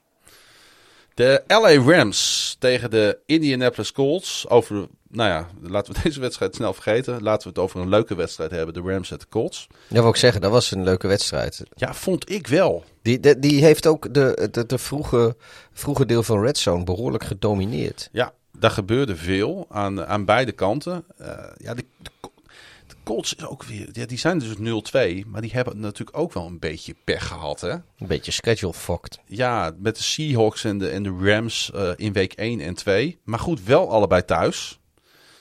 Uh, ja, daar moet je het wel doen hoor. Ja, uh, er gebeurde heel veel in deze wedstrijd. Het was natuurlijk een wedstrijd tussen aan de ene kant Matthew Stafford als quarterback, aan de andere kant Wentz. En Wentz viel geblesseerd uit tijdens deze wedstrijd. Hoe deed uh, Eason het? Ja, dat is een parodie op een quarterback. Want ik had, uh, ik had volgens mij de pre-season uh, of de preview nog gezegd van nou die Eason, daar ben ik wel eens benieuwd naar hoe die doet. Ja, toen heb ik al gezegd van die moeten ze nooit opstellen. Ze kunnen beter voor die derde quarterback van hun gaan die wel NFL ervaring heeft. Ben zijn naam even kwijt. Dat zei uh, volgens mij was, uh, was Mike het daarmee eens. Maar ja, goed, Mike vond ook dat Thibaut wel een goede keuze was in Jacksonville. Dus ja. het, die, nee. weet ik ook niet wat ik daar altijd voor moet vinden, wat hij vindt. goed. We hebben allemaal wel eens van die biased takes, hè? ja, ik nooit. Uh, 27-24 werd het uiteindelijk. Uh, maar er gebeurde dus veel. En er gebeurde met name op een gegeven moment. Um, moet ik even nadenken hoe dat ook alweer ging. Uh, hij vond op een gegeven moment Wens uh, Zach Pascal. Die uh, voor 17-14 op dat moment. Toen maakte de Colts ook nog eens een two-point conversion. En een halve minuut later schoten de Rams opeens uh, via de longsnapper een bal tegen een Colt aan. Die de Colts recoveren in de, in de endzone. En die wedstrijd werd volledig op de kop gezet op dat moment. Ja, toen hadden we echt zoiets van... Wat, wij zaten ook in één keer. In één keer was, ging iedereen van zijn eigen wedstrijd af. Ja. Daar in Tilburg. En in één keer was alle, alle ogen op Red Zone. Want dat... Uh... Maar... Dan de soep het, werd niet zo heet gegeten uiteindelijk. Dan zit er dus zoveel kwaliteit in die LA Rams... Want ondanks dat zij opeens binnen een minuut twee touchdowns om de oren krijgen en dus 14 punten verliezen, uh, antwoordde Stafford gelijk met een tweede touchdown pass in die wedstrijd op de ja, toch wel geweldig spelende Cooper, Cooper Cup. Cup. Werd het 24-21. Colts kwamen weer op gelijke hoogte met een 35-yard field goal. Ja, en toen viel Wens uit. Moest die Eason uh, het overnemen. En uh, toen werd toch wel heel snel duidelijk voor de Rams dat ze zich helemaal geen zorgen meer hoefden te maken. Want hij gooide een interceptie op uh, Jalen Ramsey. En volgens mij, uiteindelijk zijn de stats, ik heb het niet opgezocht, van Eason 0 uit 2. Nou ja, dat kan. Ja, dat kan natuurlijk maar. En, en natuurlijk... Uh, Als maar twee attempts heeft gehad. Je komt er natuurlijk in. Koud. Zonder voorbereiding. Ja. Zonder ervaring. In, uh, tegen, soort... tegen het misschien beste team van de NFC. Je moet een soort van uh, desperation play op dat moment maken. Ja. Maar ja, moet je, zou je dan de bal in de richting van Jalen Ramsey gooien? Of zou je een andere keuze hebben gemaakt? Ja. Vroeg ja. ik mij op dat moment af, maar goed. Nee, dat is, uh, ik denk dat, uh, wat ik denk is dat, uh, dat ze gewoon een, uh, een, een één of twee plays gescript hadden op dat moment. Dat zal. En de hot read is gewoon de hot read. En er werd verder niet bij gekeken welke cornerback van, van de Rams daarop stond. Wat dom is, aan enerzijds, aan anderzijds, je wil het voor je beginnende, je rookies, je, je koud invallende quarterback zo simpel mogelijk houden. Maar goed, dus dan, dan zou het aan de playcaller liggen. Die had moeten zeggen, nou, we moeten een, uh, een play pakken waarbij de, waarbij de hot read uh, uh, aan de kant is van, van de minst goede quarterback. Of door het midden of naar een tight end mm. of whatever, slot. Dus dat, ik weet, ik, ja, weet je, ik, ik, ik heb het alleen maar via Red Zone gezien deze wedstrijd. Het gaat mij zeker bij de hele kleine sample size van Eason nu al te, te, te vlot om te zeggen van, er is helemaal niks. Nee, dat zou ik ook niet uh, gelijk willen zeggen. Maar uh, we gaan, ja, ik ga ook niet zeggen dat, uh, dat, hij, dat hij een topper is hoor. Ik had gewoon van, ik, toevallig is dat een, ook een, een quarterback waar ik wat college tape van, gezien, van gezien heb. hij is vorig jaar gedraft, niet afgelopen draft, maar de draft ervoor. En ja, ik, ik weet, via Reddit volgens mij. En op, op zich had ik zoiets van, nou weet je, dat is ja, voor, voor een quarterback die later eh, ge- gekozen wordt, is dat, hoeft dat helemaal niet zo verkeerd te zijn. Maar je weet het nooit. Ja, ik ben niet zo fan van hem. Ehm, andere verklaring eh, voor de nederlaag van de Colts waren natuurlijk die geweldige goal line stops van eh, LA. De hele wedstrijd door. Dat eh, deze vorig jaar ook al, daar zijn ze zo goed in. Het is ongelooflijk knap hoe ze dat voor elkaar weten te boksen. En toen kwam er ook nog die ja, hele rare shovel pass van Wentz die even dacht dat hij Mahomes was. Die werd geïntercept door Rams linebacker Troy Reader. Eh, ik snapte helemaal niks van die play option. En natuurlijk wil je wel eens verrassen, maar als je het niet kan, doe het dan niet. Eh, en toen was, het, eh, toen was het ook al een. Ja, die he- de hele wedstrijd liepen de Colts een beetje achter hun eigen feiten aan. En dat, eh, Ja, en dat is jammer. Ze zijn, ze zijn gewoon niet zo goed. In, in heel veel dingen niet. Ze zijn echt een middelmatig team. een 5-12 team. Ja, en dan leg je het af tegen teams als de Rams en de Seahawks. Maar eh, Maar je doet wel mee. Ja, maar ze moeten, ze moeten toch binnenkort tegen, tegen jullie, als in de Ravens. En uh, ze hebben volgens een heel zwaar programma. Hou maar op, Jos. Ze hebben nu twee keer een thuiswedstrijd gespeeld. En ze gaan nu drie keer een uitwedstrijd achtereen volgen spelen tegen Tennessee. Nou, dat uh, is natuurlijk altijd een lastige wedstrijd. Die kennen elkaar ook. natuurlijk ja, heel goed. wedstrijd op zich. Uh, Miami, ondanks hun grote nederlaag, denk ik dat het nog steeds een lastige uitwedstrijd is. En inderdaad, daarna moeten ze uh, Monday Night Football ook nog een primetime game spelen in Baltimore. Ja, die, uh, die zouden dus zomaar eens 0-5. 0-5 kunnen gaan. Of 1-4, maar ja. Op zijn best denk ik 1-4. Ik denk dat Miami nog hun beste kans is om te winnen. Ja, wat ik zeg, Titans, dat is... Uh, um, die divisiewedstrijd is altijd wedstrijd op zich. Maar ja. ik schat op dit moment de Titans... Die hebben een beetje redemptie gehad. Ja. Bovendien is het in Tennessee, in uh, Nashville. Dat zegt trouwens niet zoveel. Want vorig seizoen wonnen de Colts daar. En de Titans in, in Indy. Dus het zegt niet altijd wat. Uh, nog één dingetje uit deze wedstrijd ook. Ik vraag dat steeds. Waarom doe ik dat eigenlijk? Voor de, voor de tijd, denk ik. Maar uh, ga je ja. gang, joh. Nou, ik vond het wel mooi. De Colts eerden uh, voor de wedstrijd en in de rust hun nieuwste Hall of Famers, Peyton Manning. En Adrian James. Een uh, legendarische running back. Tien jaar in de NFL gespeeld, waarvan zes jaar bij Indy. Meer dan 12.000 rushing yards. En uh, hij is zelfs twee jaar lang achter elkaar is hij NFL rushing yards leader geweest. Nou, als je dat twee jaar achter elkaar doet als, rush, als dat running knap, back, dat is heel knap. knap want uh, blessures liggen natuurlijk ook snel op de loer. En ze werden onlangs ook allebei toegevoegd aan de Colts Ring of Honor. Ik vond het mooi. Ik heb daar wel gisteren heb ik dat een beetje meegekregen toen ik Monday Night Football with uh, wat was het Peyton en Eli zat te ja. kijken. Dus, en daar hebben ze het inderdaad hier ook even over gehad. Ja. Wat trouwens uh, over Hall of Fame gesproken. Nu kom ik even met een, een dom feitje. Dat is bij Good Morning Football was die oud Vikings wide receiver te gast. Die met Randy Moss heeft gespeeld. Ik ben zijn naam even kwijt. Maar die zit ook in de Hall of Fame. En die uh, presenteerde ook wel uh, andere uh, voetbalprogramma's. Maar wat hij dus vertelde is dat hij twee of, van die gouden Hall of Fame jasjes heeft. Eentje voor als hij gewoon in vorm is. En eentje voor als hij toevallig een periode heeft dat hij wat dikker is. Zodat hij altijd, als dat nodig is, met zijn Hall of Fame jasje kan verschijnen en er goed uitziet. En aan de ene kant vond ik dat wel grappig, maar ik vond het ook heel, heel menselijk eigenlijk. Dat, dat hij zegt van ja, weet je, al heel vaak als ik op tv kom, dan, hmm. ja, dan wil ik er gewoon goed uitzien. En heel vaak, omdat ik in de Hall of Fame sta en ik doe dingen voor de NFL, dan willen ze mij in mijn Hall of Fame jasje hebben. En nou ja, dan, ik wil altijd zorgen dat ik gewoon een goede heb. Dus hij heeft er gewoon twee. En ik vraag me dan ook een beetje af ja. Of er meerdere zijn die dat hebben. Poeh.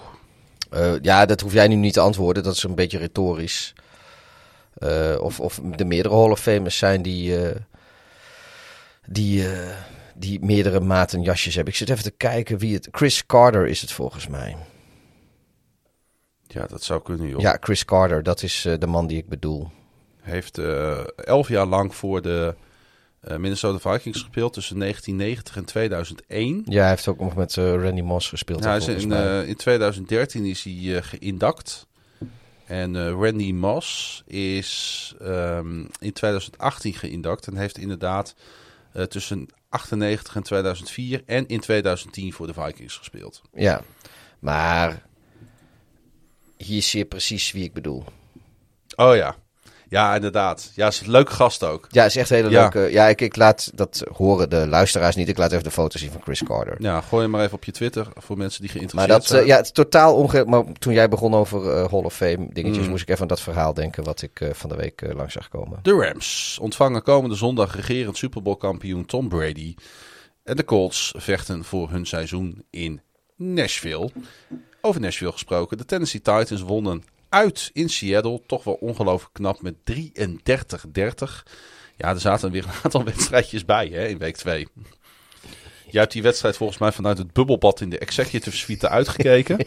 Dat is waar, ook daar zijn foto's van. Ja, niet dat... Gooi die ook even op je Twitter. Want eh, dat, ja, de, de, de echte hele trouwe luisteraars zullen misschien wel weten dat ik een nicht heb die in Nashville woont en een neef heb die in Seattle woont. En eh, zoals dat een beetje gaat in Amerika, ze, ze zijn allebei opgegroeid in Chicago en ze hebben allebei nog een voorliefde voor de Bears. Maar eh, ze adopteren ook een beetje de, de teams van hun nieuwe thuissteden, om het zo maar te zeggen. Dus eh, mijn neef en mijn nicht eh, en ik, we zitten in zo'n groepchatje waarin we over NFL zitten te ouwehoeren. En ze hadden met z'n tweeën een beetje een battle over, eh, over hoe die wedstrijd zou verlopen. Dus dat was wel heel, heel amusant, vond ik. Voor mezelf in elk geval. En de wedstrijd verliep op een bepaalde manier. Waardoor het ook leuk was om... Ja. ja, ja nee, dat maakt het ook leuk. Ik zat een beetje te denken, hè, en dat heb ik dan eh, met meerdere teams heb ik dat wel gehad. Dan mogen eindelijk die fanatieke fans van de Seahawks mogen weer naar Lumen Field met elkaar. Ja, Gaan helemaal los. ook, het was ook echt gekke huis Het daar was hoor. echt, eh, ja, dat, dat moet je ze toch nageven daar. Dat ze dat voor elkaar weten te krijgen. En de Titans waren daar misschien ook wel een klein beetje van onder de indruk. Want ze begonnen natuurlijk niet heel sterk aan de wedstrijd. Maar uiteindelijk, ja, komt dan toch eh, het talent van All Pro. Running back, star, King, King Derek, Henry. Komt dan toch weer naar boven. En hij noteerde 182 yards, twee fourth quarter touchdowns.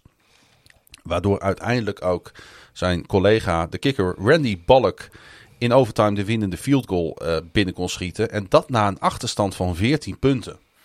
De Seahawks, die Dat je eigen niet huis weg in. 14 Ja, dat, dat doen, ze, punten ze nooit. echt ongekend. En eh, ik heb dat even uitgezocht. Het was ook de vierde keer in de geschiedenis van Seattle dat ze verloren nadat ze eh, met tenminste 15 punten voor stonden bij rust. Want ze hebben nog in de, eerder in de wedstrijd hebben ze nog meer voorgestaan. Eh, dus het was ja, een onkarakteristieke nederlaag eigenlijk voor de Seahawks. Ja, Dat, zo zou je dat toch wel kunnen zeggen. Eh, Russell Wilson, eh, ja, ik heb die wedstrijd natuurlijk ook gevolgd. De eerste drie kwarten was eigenlijk helemaal niks aan de hand. Dan was het gewoon de Russell Wilson zoals we Russell Wilson kennen. En hij had toch een beetje een breakdown op een gegeven moment op het eind Ja, van de wedstrijd in de het- overtime. hè? het was alsof hij zelf een beetje onder de indruk was van alles. Eh, Alsof de vierde zenuwen, kwart. Ja, eh, in één keer had, ja, in één keer had hij zoiets van wow, wow. Maar dat slaat natuurlijk helemaal nergens op. Want die man heeft al zoveel meegemaakt. Heeft in een Su- een Super Bowl gespeeld. Heeft championship games gespeeld. Heeft Twee Super Bowls gespeeld. Nou, eh, heeft, heeft, heeft, er zijn weinig spelers in de NFL, weinig quarterbacks die zoveel playoff games achter eh, zijn naam hebben staan. En dan gaat het in een wedstrijd tegen de Tennessee Titans, die in week 1 absoluut belabberd voor de dag zijn gekomen, gaat het opeens mis. Ik, vond Ja. het, eh, ik, ik, ik kan niet helemaal zeg maar, de vinger op de zere plek leggen waarom dit mis is gegaan voor Seattle. Ja, het is- Los het van is- natuurlijk eh, het wat Henry heeft laten ja, zien. Het is, het, is, het, is, is gewoon een. eh, Het ligt niet alleen aan Wilson. Het is gewoon een beetje een collectieve meltdown in die. eh, In, in, eigenlijk in de tweede helft al. En ik geloof wel een beetje. Kijk, eh, Tennessee won, de- won de tos. Ja. eh, voor overtime. Eh, ik weet niet wie de oorspronkelijke tos won, maar dat is ook niet zo relevant. Overtime won Tennessee de tos. En eh, ja, toen wist ik eigenlijk al, dat, dat heb ik toen ook tegen... Nou, toen heb ik eigenlijk mijn nicht al soort van ge- gefeliciteerd met, met eh, haar Titans, om het zo maar te zeggen.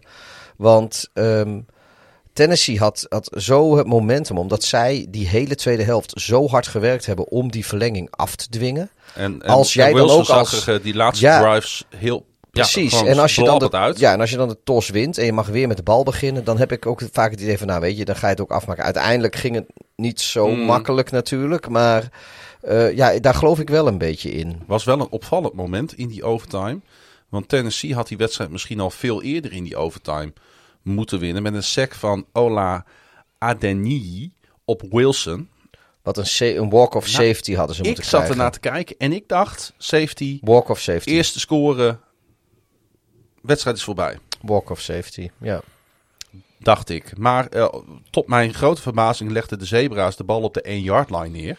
En volgens mij tot verbazing van ongeveer het hele stadion. Nou ja, ja dat, het was toch ook zo'n zo'n klerenherrie. Dat, dat, dat, dat krijg je niet mee. Maar wat, Ja. als ik het eh, moment weer goed voor de geest haal. Ik, ik was ook verbaasd door. Ik vond het ook gewoon een safety. Maar het, is- het is een beetje doorgeslagen met het eh, beschermen van de, van de quarterbacks. Want wat er eigenlijk gebeurde is dat. Ehm, de, de forward progress van Wilson, op het moment dat hij zeg maar gepakt werd en soort om zijn as gedraaid werd, toen waren de zebra's het er eigenlijk wel over eens, of in ieder geval eentje, in ieder geval eentje, dat de forward progress weg was. En begon te fluiten. En uiteindelijk werd hij eh, nog één yard naar achter gedwongen en eh, gesekt, zeg maar, of in ieder geval tegen de grond gewerkt in de, in de endzone. Maar eh, toen lag het spel eigenlijk al stil, omdat op het moment op de gefloten. 1 yard line die spin, dat Ja. die in, om zijn as getold werd door, eh, door die eh, verdediger van Tennessee, waar jij de naam wel van hebt, die ik... Adeni. Toen werd er eigenlijk al afgefloten. Dus het, het beslissingstechnisch klopt het wel. Want er was afgefloten voordat hij terug in zijn eigen endzone terecht kwam. Maar als liefhebber van de sport en als wat wij gezien hebben, had, hadden de Titans daar eigenlijk gewoon een walk-off safety moeten krijgen. Ja, en hoe gaaf is dat ook? Dat, dat was voor, ja, weet je, dat, dat was wel het einde wat die wedstrijd en wat Tennessee misschien ook verdiend had. Derrick Henry heeft nu tenminste vier career games met minimaal 150 yards rushing en tenminste drie touchdowns gespeeld. En hoe bijzonder is dat? Nou, alleen Barry Sanders, Jim Brown, LaDainian Tomlinson LT. en Eric Dickerson. En dat zijn echt vier hele grote namen in de NFL. Ja, dat, Die, eh, waarvan laatst genoemde ook vier, die, eh, die staan ook in dat lijstje. En Henry werd ook de achttiende speler in league history met tenminste 10 wedstrijden met 150 yards rushing.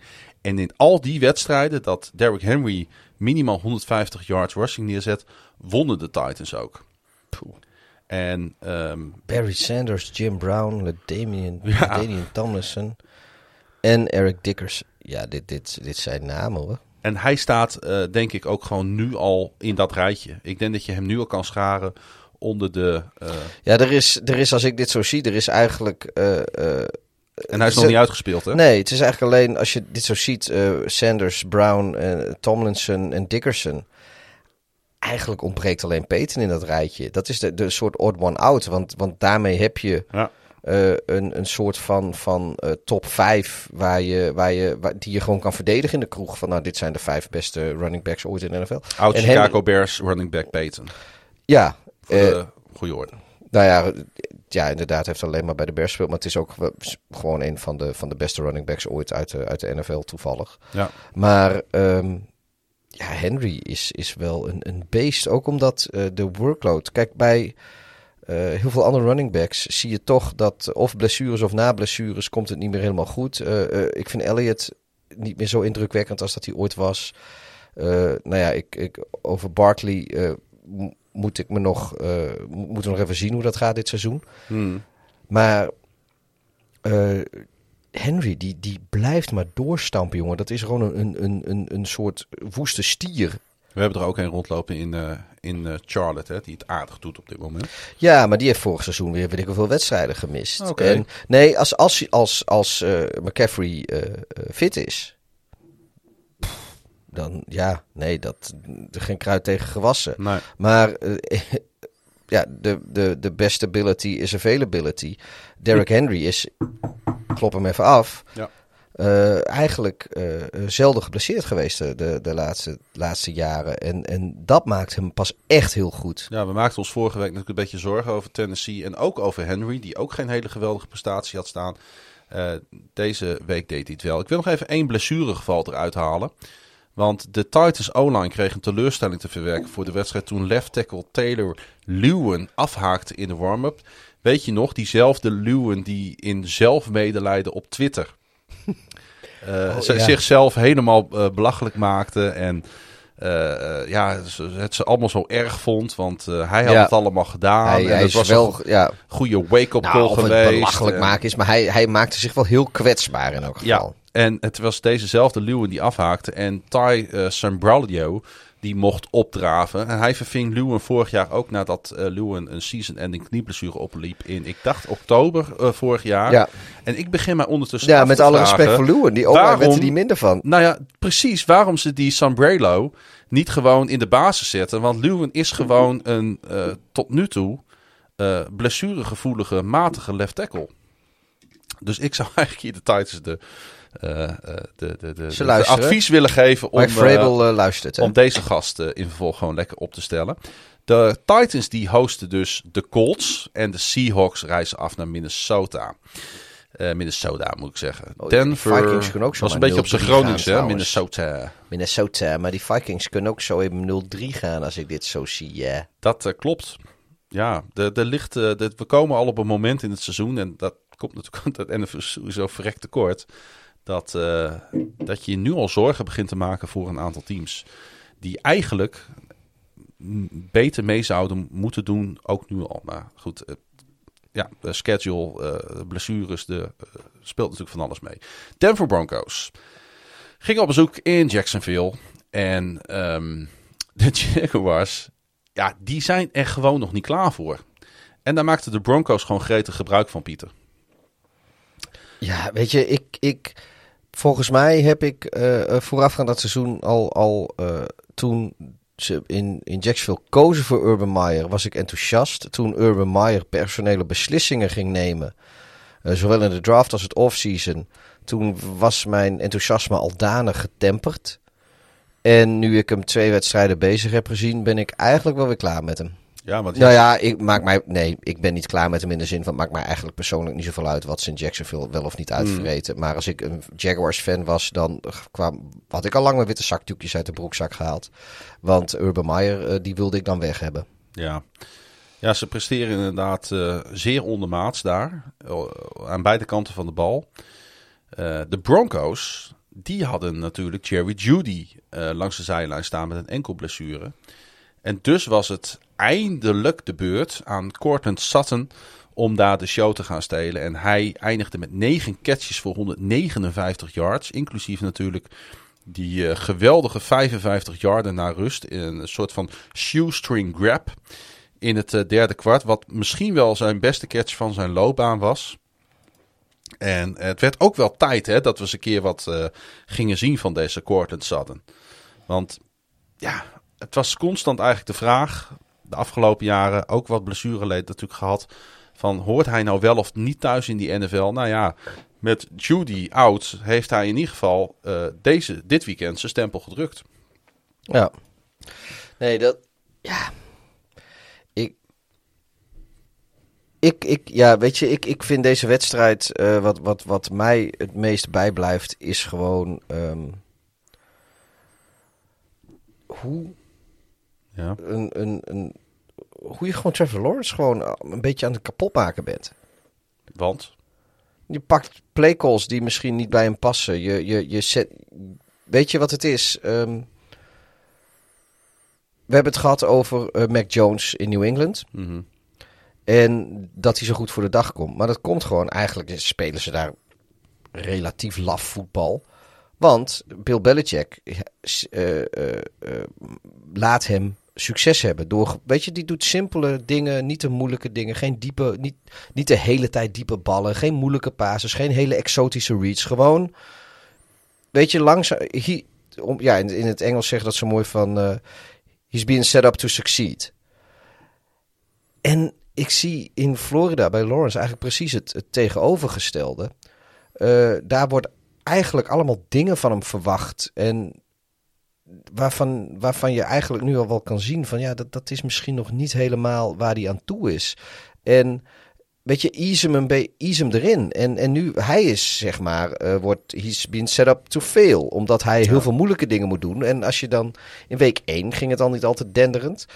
En dan zou je denken van nou weet je, eh, laten we eerlijk zijn, de Jaguars zijn geen Super Bowl kandidaat en misschien niet eens een playoff of eigenlijk ook geen playoff kandidaat.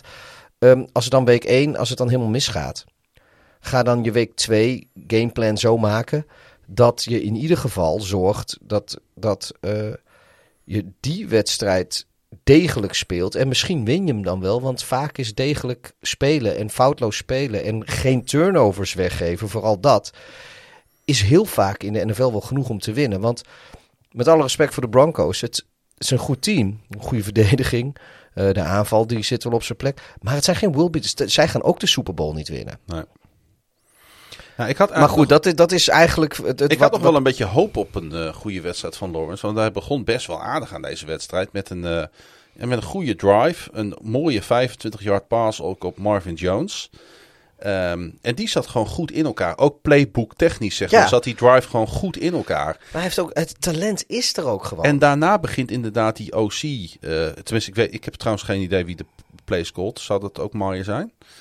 Of zijn OC. Uh, met, ik, ik, met alle respect, ik heb, ik, zo, zo diep zit ik ook ik niet. ook niet. De... Dat, moet, uh, dat moet ons maar even tweeten, twitteren.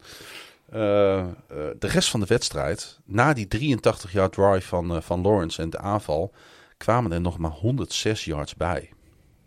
Maar ja, dat, dat, dat zegt toch eigenlijk al genoeg? Ja, en je hebt gelijk, want uh, het heeft dan wel te maken met schemes. Met hoe zet je je ploeg neer? Wat heb je met elkaar afgesproken? Hoe ziet je playbook eruit voor een uh, quarterback die uit college komt? Uh, met, op de back, met, met op de achtergrond een coach die ook uit college komt. Ja, precies. Er zijn zoveel dingen nieuw daar. Het is een jong team. Heel het veel goede... niet aan de NFL. Is dat eigenlijk de conclusie? Nou, wat, wat ik, um, ik denk dat zij de NFL onderschatten. Ja. In de zin van uh, Urban Meyer, uh, lieve vriend, je bent niet in college, weet je. Ga terug naar de basics.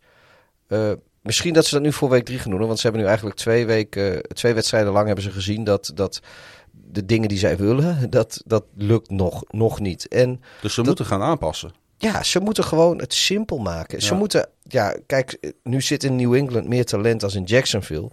Maar ze moeten wel kijken naar hoe ze, hoe ze in alle teams met een nieuwe quarterback die niet. Kijk, in San Francisco hebben ze met Garoppolo een degelijke quarterback en een geweldig team. En ze, kijk, ik, ik heb vaak genoeg lelijke dingen gezegd over Garoppolo.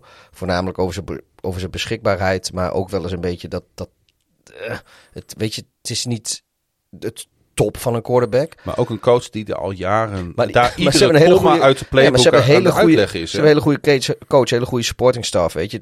En dus, maar kijk gewoon naar, naar vooral, en dat, dat ja, doet dat ook in mm. Chicago, vind ik dat. Kijk naar wat ze in New England doen met. Uh, en voor, voor de New York Jets is dit ook een advies. Kijk naar wat ze in New England doen. Weet je, hou het simpel voor je jongens. Want je, je kan een quarterback wel kapot maken in zijn eerste seizoen.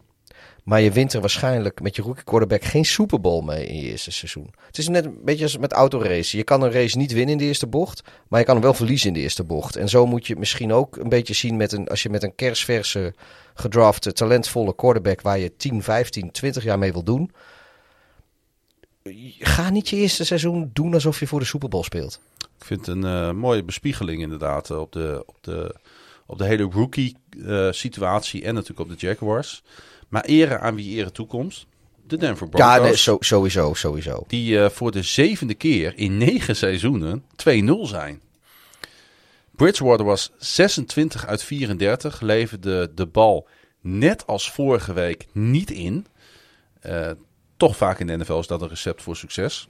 Ja, ja. En hij werd de vierde speler in NFL history die het seizoen opent um, met meerdere touchdowns in iedere wedstrijd. Geen enkele interceptie. En minimaal 75% van de passes uh, uh, uh, die aankomen.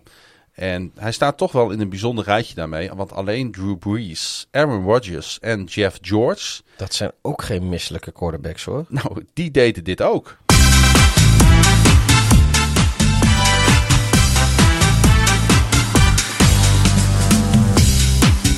Ja, en hoe mooi is het dan dat wij uh, eens een keer uh, Teddy Bridgewater, biertopper van de week, week, week, week, week. kunnen maken. En hij heeft het uh, dik en dik verdiend in deze eerste twee weken. Ik vind het een hele mooie. Weet je, en die jongen heeft natuurlijk ook in het verleden een afgrijzelijk blessureleed gekend. En heel, ja, sowieso heel veel pech en heel veel eh, eh, bullshit is zijn carrière. En hij is eh, geweldig aan het seizoen begonnen bij een ploeg die eh, barst van het talent. En dan keerde bij Denver ook nog Bradley Chubb terug van een enkel blessure. De stand-out eh, linebacker moest, ja, dat vond ik dan wel weer heel triest, in het tweede kwart alweer naar de zijlijn. En hij had het daar ook echt duidelijk. je kon het vanuit van, van zijn lichaamstaal en van zijn gezicht aflezen. Ontzettend moeilijk mee. Want Chop en Von Miller, in potentie zijn dat, is dat natuurlijk een van de meest dominante pass-rushing duo's in de league. Ja, En zij stonden voor de eerste keer in bijna twee jaar weer eens samen op het veld. En dat Ja. zag er zo goed uit. Ik hou van dat soort, eh, van dat soort duo's. ja niet, Zoals voor, je dat eh, voor bijvoorbeeld met. Chandler. Jones en, eh, J.J. Watt. die hebben, dat is ook zo'n duo waar, ik- waar, waar ik echt, ja, daar zet ik de televisie voor aan, zeg maar. Nou, dat geldt ook voor Chop en, eh, en Von Miller. Jongen komt terug van blessure, tweede kwart, was het alweer voorbij. Dat blijft toch eh, zo'n smetje altijd op, de, op NFL kijken. Hè? Al die blessuregevallen iedere week weer. Ja, en hebben we dit seizoen nog een extra wedstrijd. Ja. Eh, wel wat ik wel heel erg mooi vond eh, bij Denver. En het is wat dat betreft een beetje de loftrompet over de Broncos. dit deel van de podcast. Maar goed, daar hebben ze zelf voor gezorgd. Patrick Surtain, de third, de eerste ronde draft pick. Ja, Die kwam in actie voor Denver, want hij moest invallen voor eh, Ronald Darby, die een hamstring blessure had. En onmiddellijk in zijn eerste wedstrijd noteerde hij zijn eerste career interception. Nou, dan begin, ja, begin je dat- toch ook lekker als, dat- eh, als ja. cornerback. Ik, eh, ja, weet je, ik, ik, dat, ik- dat zijn echt de, de, de, de debuten om van te houden. Ik Ja. geloof dat de eerste NFL-pass van Trey Lance was een touchdown. Dat is voor een quarterback lekker debuteren. Mm. Ik weet nog, kom ik weer met mijn homer de allereerste play van scrimmage, de allereerste snap van Roquan Smith destijds was een sack. Nou, dat is voor een linebacker heel lekker. Ehm, en als je inderdaad een, eh, een corner bent en jij, eh, jij ja, dat je dan zo. Dat, ik gun dat mensen. Ik vind dat mooi. Dat zegt misschien niet eens zoveel over hoe de rest van hun carrière gaat verlopen. Maar Nee. ik, ik vind het gewoon wel. Dat, dat is lekker beginnen. Maar het eh, doet mij wel wat zeggen over hoe de Broncos in elkaar zitten op dit moment. En eh dat ziet er daar gewoon goed uit. Het is leuk om naar te kijken. Het zit degelijk in elkaar. En ze zijn goed bezig daar. Ja. De basis is er in ieder geval gelegd voor een, eh, voor een eh, heel aardig seizoen. En dat maakt ook die divisie leuk. Dat daar, dat daar sterke ploegen in zitten. Up next, de Broncos. Die krijgen dus de Jets op bezoek. Dat zeiden we al eerder.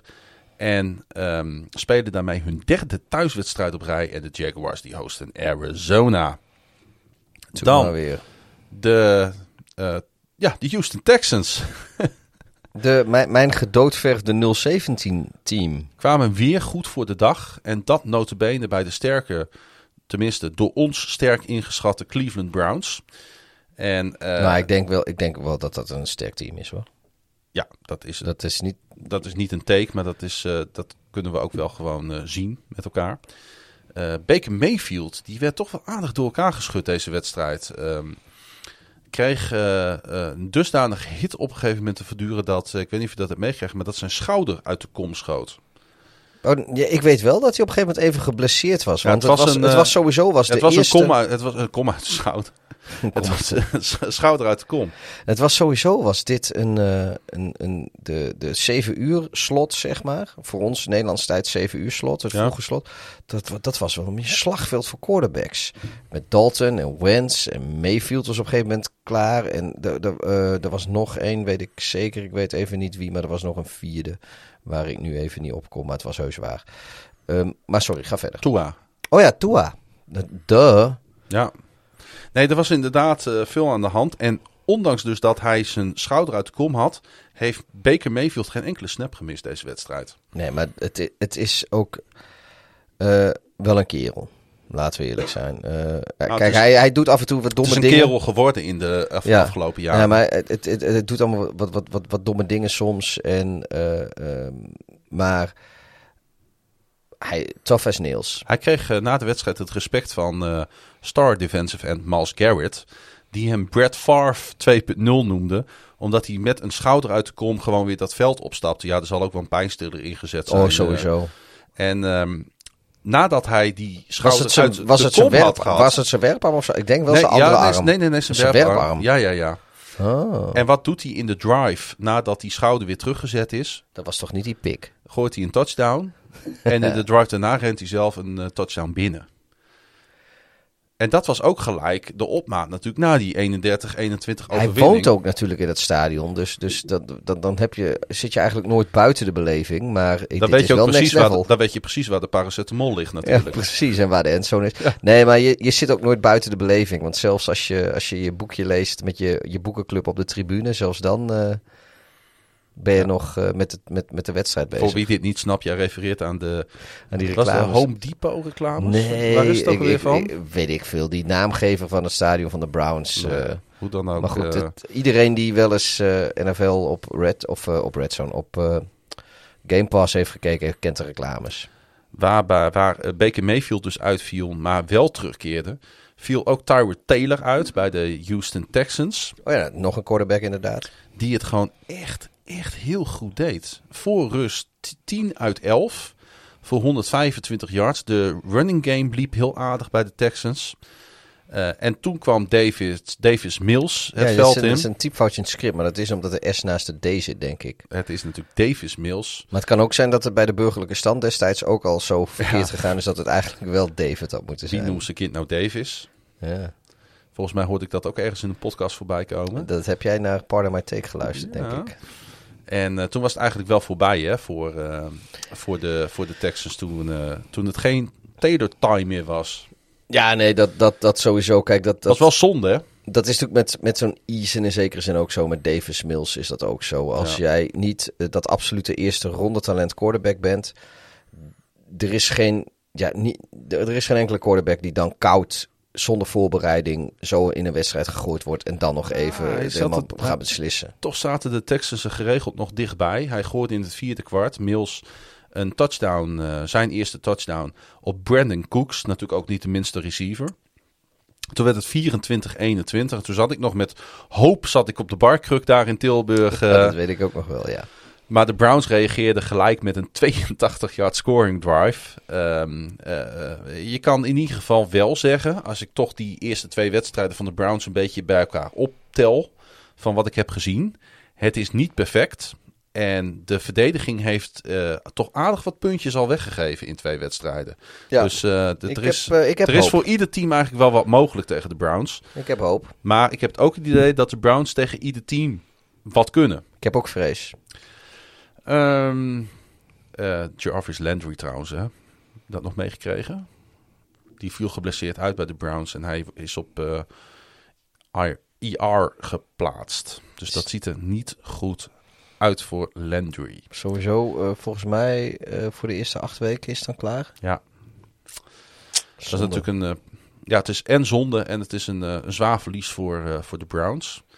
De Texans en Taylor hebben weinig tijd om te herstellen, want ze spelen Thursday Night Football in eigen huis tegen de Panthers. Kan best wel een tof potje worden. En de Browns krijgen de Chicago Bears op bezoek. Da Bears. Eh, blijven we nu even in de AFC North, want eh, de Pittsburgh Steelers die eh, verloren. Oh. Ik had het al voorspeld. van de Las Vegas Raiders. Ja, de, de, de luisteraars zien het niet, maar hij klopt zichzelf nu even op de borst. Ja, goed. Ik heb natuurlijk die, die eh, eh, Raiders heb ik natuurlijk eh, volop zien spelen tegen de Ravens in week 1. En ik had al het idee dat daar toch wat aan het ontstaan is. Ik had niet het idee dat, dat zij zeg maar in die wedstrijd een soort van one-day fly waren. Dat, Nee, dat, dat, Nee, dat, dat, het, dat Ja. het toevallig het puzzeltje een keer in elkaar viel. maar je dacht ook dat, eh, dat de Bills eh, relatief simpel gehakt zouden maken van de Steelers in week 1. De Steelers vielen jou Nee. ook in één keer veel, eh, behoorlijk mee. Dat is ook wel weer waar. Nou, nu vielen ze tegen. Ja, Ehm, en zou je dan toch kunnen zeggen dat het multi-state, multi-year rebuilding project van John Gruden wel eens gestalte zou kunnen krijgen? ja ik, ik vind nog steeds wel dat dat he- heel goed zo zou kunnen. Maar ik vind twee wedstrijden nog steeds een kleine sample size. Ehm, ik, ja, op de een of andere manier ben ik bang dat, eh, dat voor zowel de, de, de Steelers als de Ravens, dat die.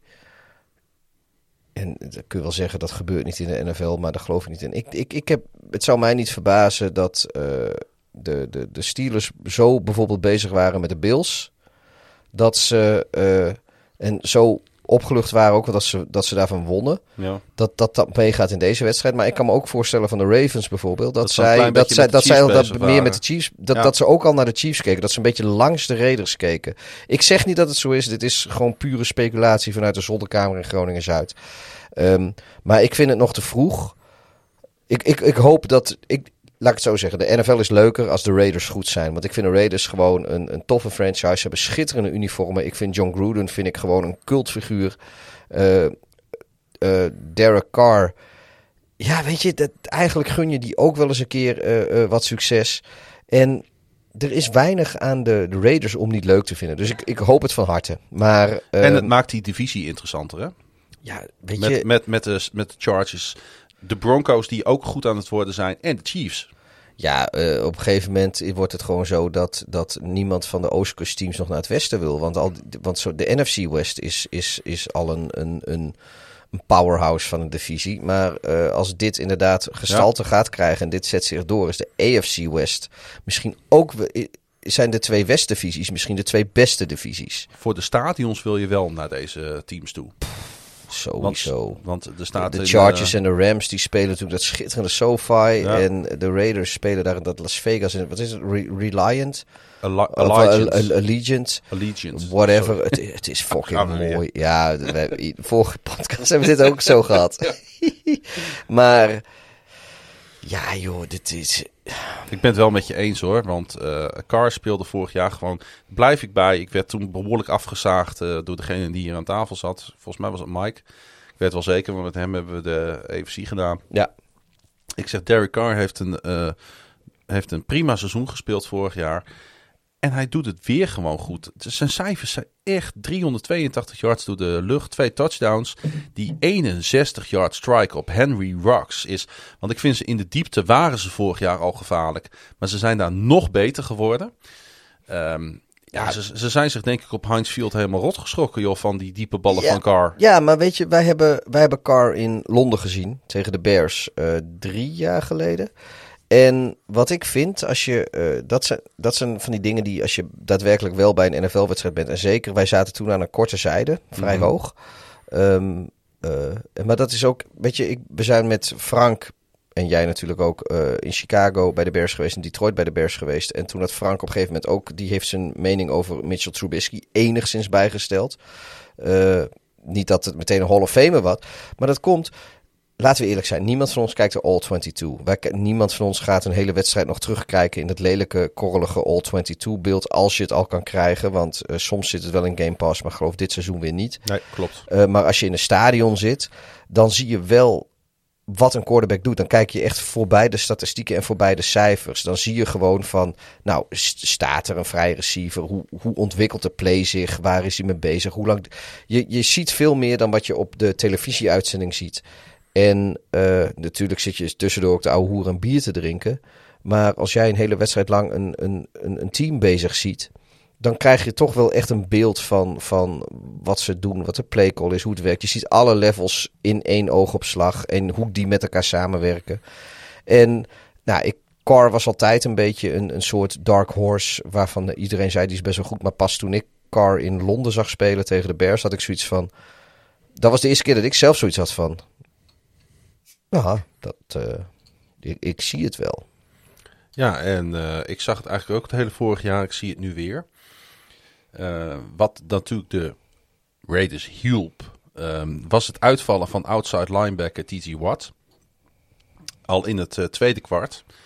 Ja, en zonder, ik had het idee dat zonder Watt Carr nog makkelijker zijn plays kon maken.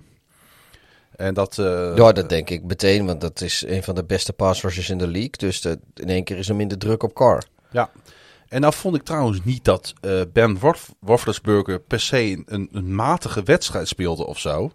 Maar hij steeg niet boven zichzelf uit. En misschien is, is dat misschien de, de vraag ook voor de rest van het seizoen. Even los van het feit of hij fit blijft. Kan Big Ben af en toe boven zich uitstijgen om ook die Steelers eh, verder te helpen en, en, en, en, en de playoffs in te gooien?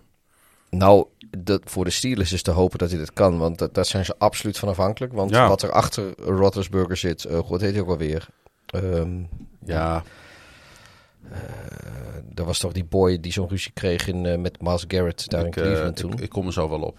Maar nee, daarachter zit gewoon niet zoveel. Nee, maar wat, wat, ik, wat ik daarmee wil zeggen. En, maar ik, ik, ik weet het niet. Weet week 1 had ik zoiets van: oké, hij toen begon, toen begon Roethlisberger zwak.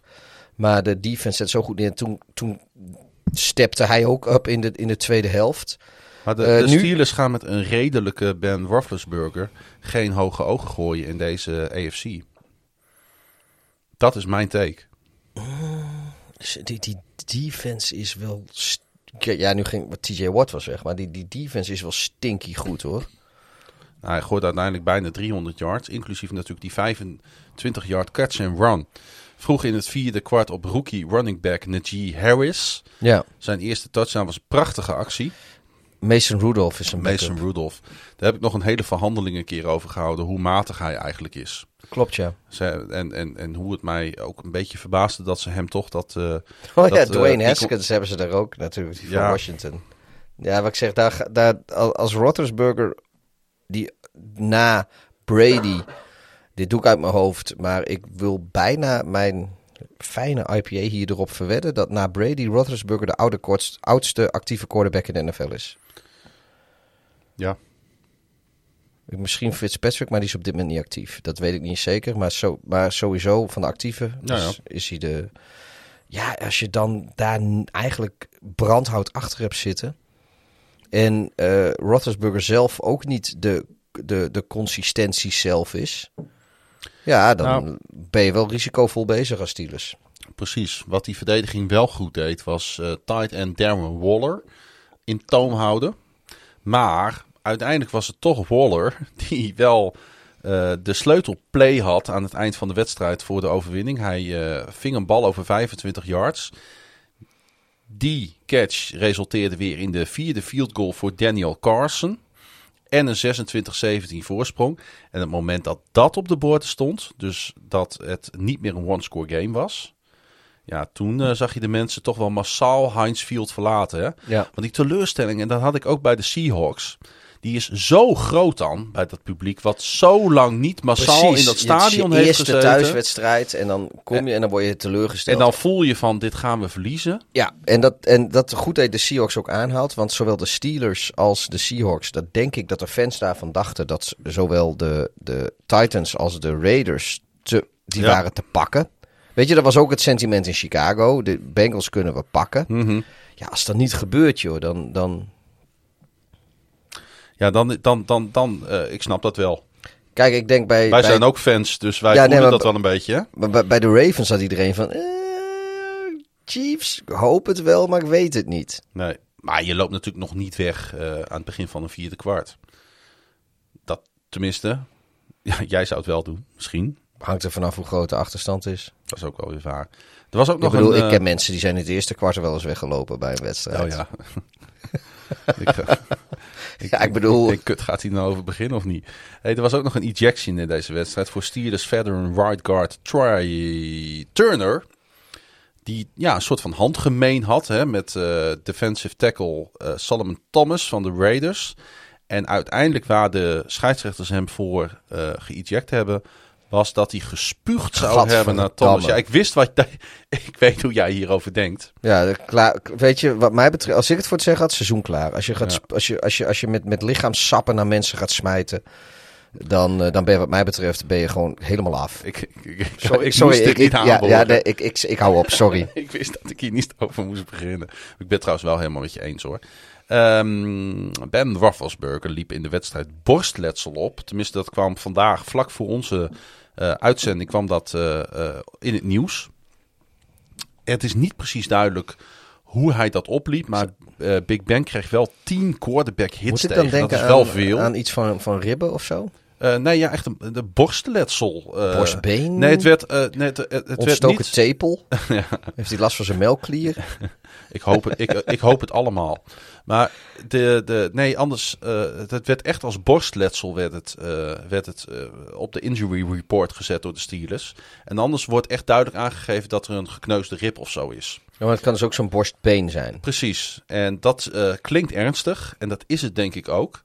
En ik heb ook begrepen dat op dit moment het een toch wel groot vraagteken is of hij fit is voor de wedstrijd van komend weekend. Nou, nu moet ik wel zeggen. eh, ja, Tony Romo, die heeft op een gegeven moment had hij een keer een paar ribben gebroken. Mhm. En zelfs een van zijn gebroken ribben had zijn eh, long eh, doorboord, waardoor hij dus een, een klaplong had. Ja, En die speelde gewoon een week later weer. ja. Met pijnstillers weliswaar. En misschien niet zijn beste wedstrijd uit zijn heb, eh, carrière. ik heb ook al gelezen dat Mike Tomlin heeft gezegd van we moeten nu echt eh, Ben in bescherming gaan nemen tegen zichzelf. En ik moet ook gaan kijken hoe ik de, het playbook voor de komende wedstrijden ga aanpakken. Mhm. En dan denk ik bij mezelf, waarom heb je in vredesnaam dan ervoor gekozen om zo overtuigd met deze quarterback door te gaan? Terwijl je weet, het kan één week duren, het kan twee weken Nou. duren, het kan drie weken duren. Maar met de manier waarop bin, Big Ben Roethlisberger in elkaar zit geschroefd met platen, Ja, weet je dat vroeg of laat dat die blessure gaat komen. nee, ik vind, de, ik vind de grotere fout. Ik vind niet zozeer de fout dat ze met eh, Big Ben eh, dit seizoen weer zijn aangevangen. Maar dat ik vind de fout dat ze er niks, niks fatsoenlijks achter hebben zitten. Dat vind ik een fout. Ja. Ehm, maar weet je, als ze echt willen, ik geloof dat, ze, dat de Steelers hebben volgend jaar wel een eerste ronde pick. Nou, dan kunnen ze denk ik, daarvoor kunnen ze in Chicago zo ene Vols ophalen. Maar dat is toch een Super Bowl MVP, weet je. En eh, ik, Ja, je bent ook alleen maar reclame aan het maken van voor, voor Vols, hè? Nou ja, ik wilde graag een eerste ronde pick terug Juist. hebben. Maar ehm, wat, wat, het kan natuurlijk ook een beetje zand in de ogen strooien zijn. Want eh, eh, ja, ze spelen tegen Cincinnati. En dat is een wedstrijd die de Steelers Nee. moeten winnen. Ik geloof daar niet in. Bovendien zijn ze vrij serieus met die injury reports in, eh, in de NFL. Ja, nee, dat klopt. Hij staat er wel op. Maar dat wil niet zeggen dat hij... dat, Ik Kijk, denk, hij, hij, eh, hij kan natuurlijk nou, op, ik niet vrijdag eens. kan hij zo op, eh, op, op doubtful of zo gezet worden. Absoluut. Maar ik Of geloof, questionable. Ik, ik, ik, eh, zoals ik het nu heb, eh, heb meegekregen, is dat het, dat het serieus is. En ik denk niet dat dit op deze manier eh, aangevlogen wordt. Nou ja, we gaan meemaken. De Raiders ontvangen trouwens de Dolphins. Ja, en zoals ik inderdaad zei, de, de Chiefs, of sorry, de Bengals en de Steelers ontmoeten elkaar in eh, Pittsburgh.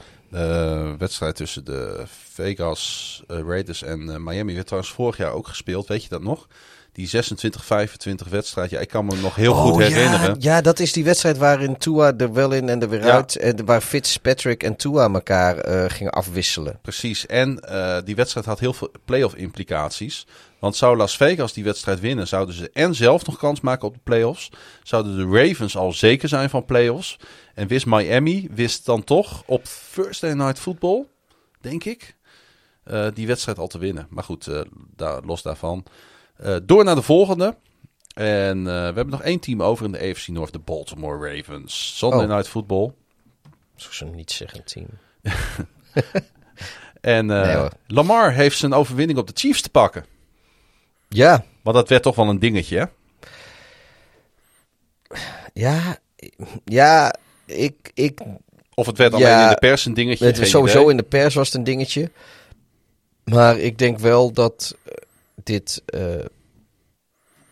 ja, volgens mij hebben ze vorig jaar in het reguliere seizoen... eh, hebben ze natuurlijk... eh, hebben ze, ze hebben twee keer tegen elkaar gespeeld vorig jaar. Nee.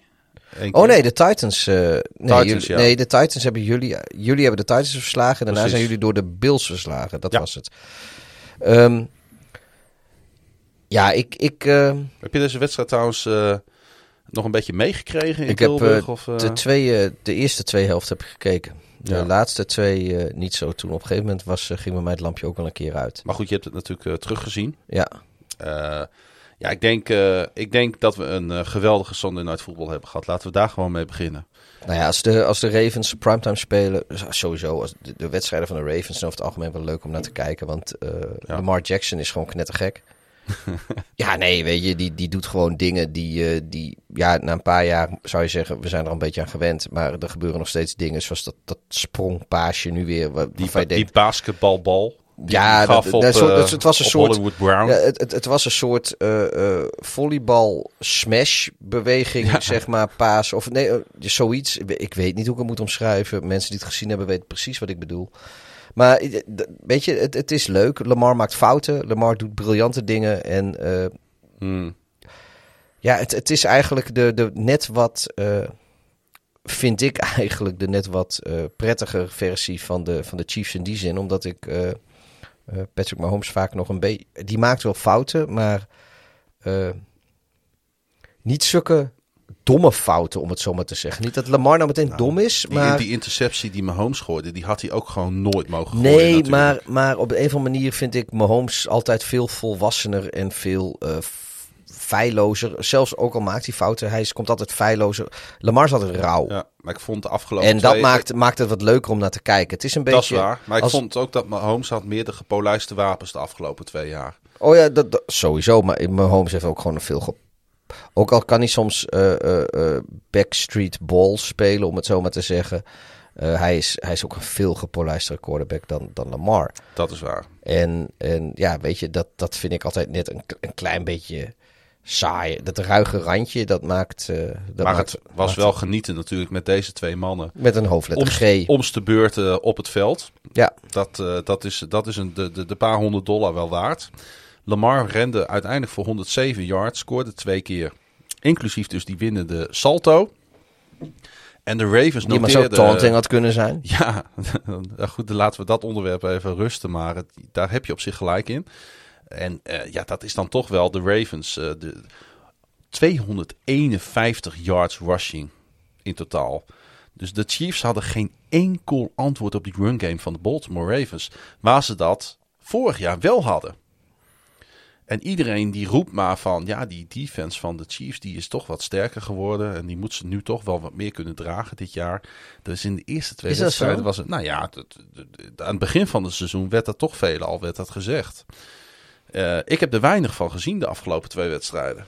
Ja, ik, mijn, mijn uh, take altijd op de Chiefs is van, in principe hoeft, hoeft die defense niet heel geweldig te zijn. Want uh, je mag best als zij in 17 wedstrijden 17 keer uh, 30 punten weggeven, mm -hmm. dan winnen ze nog 15 van de 17 wedstrijden.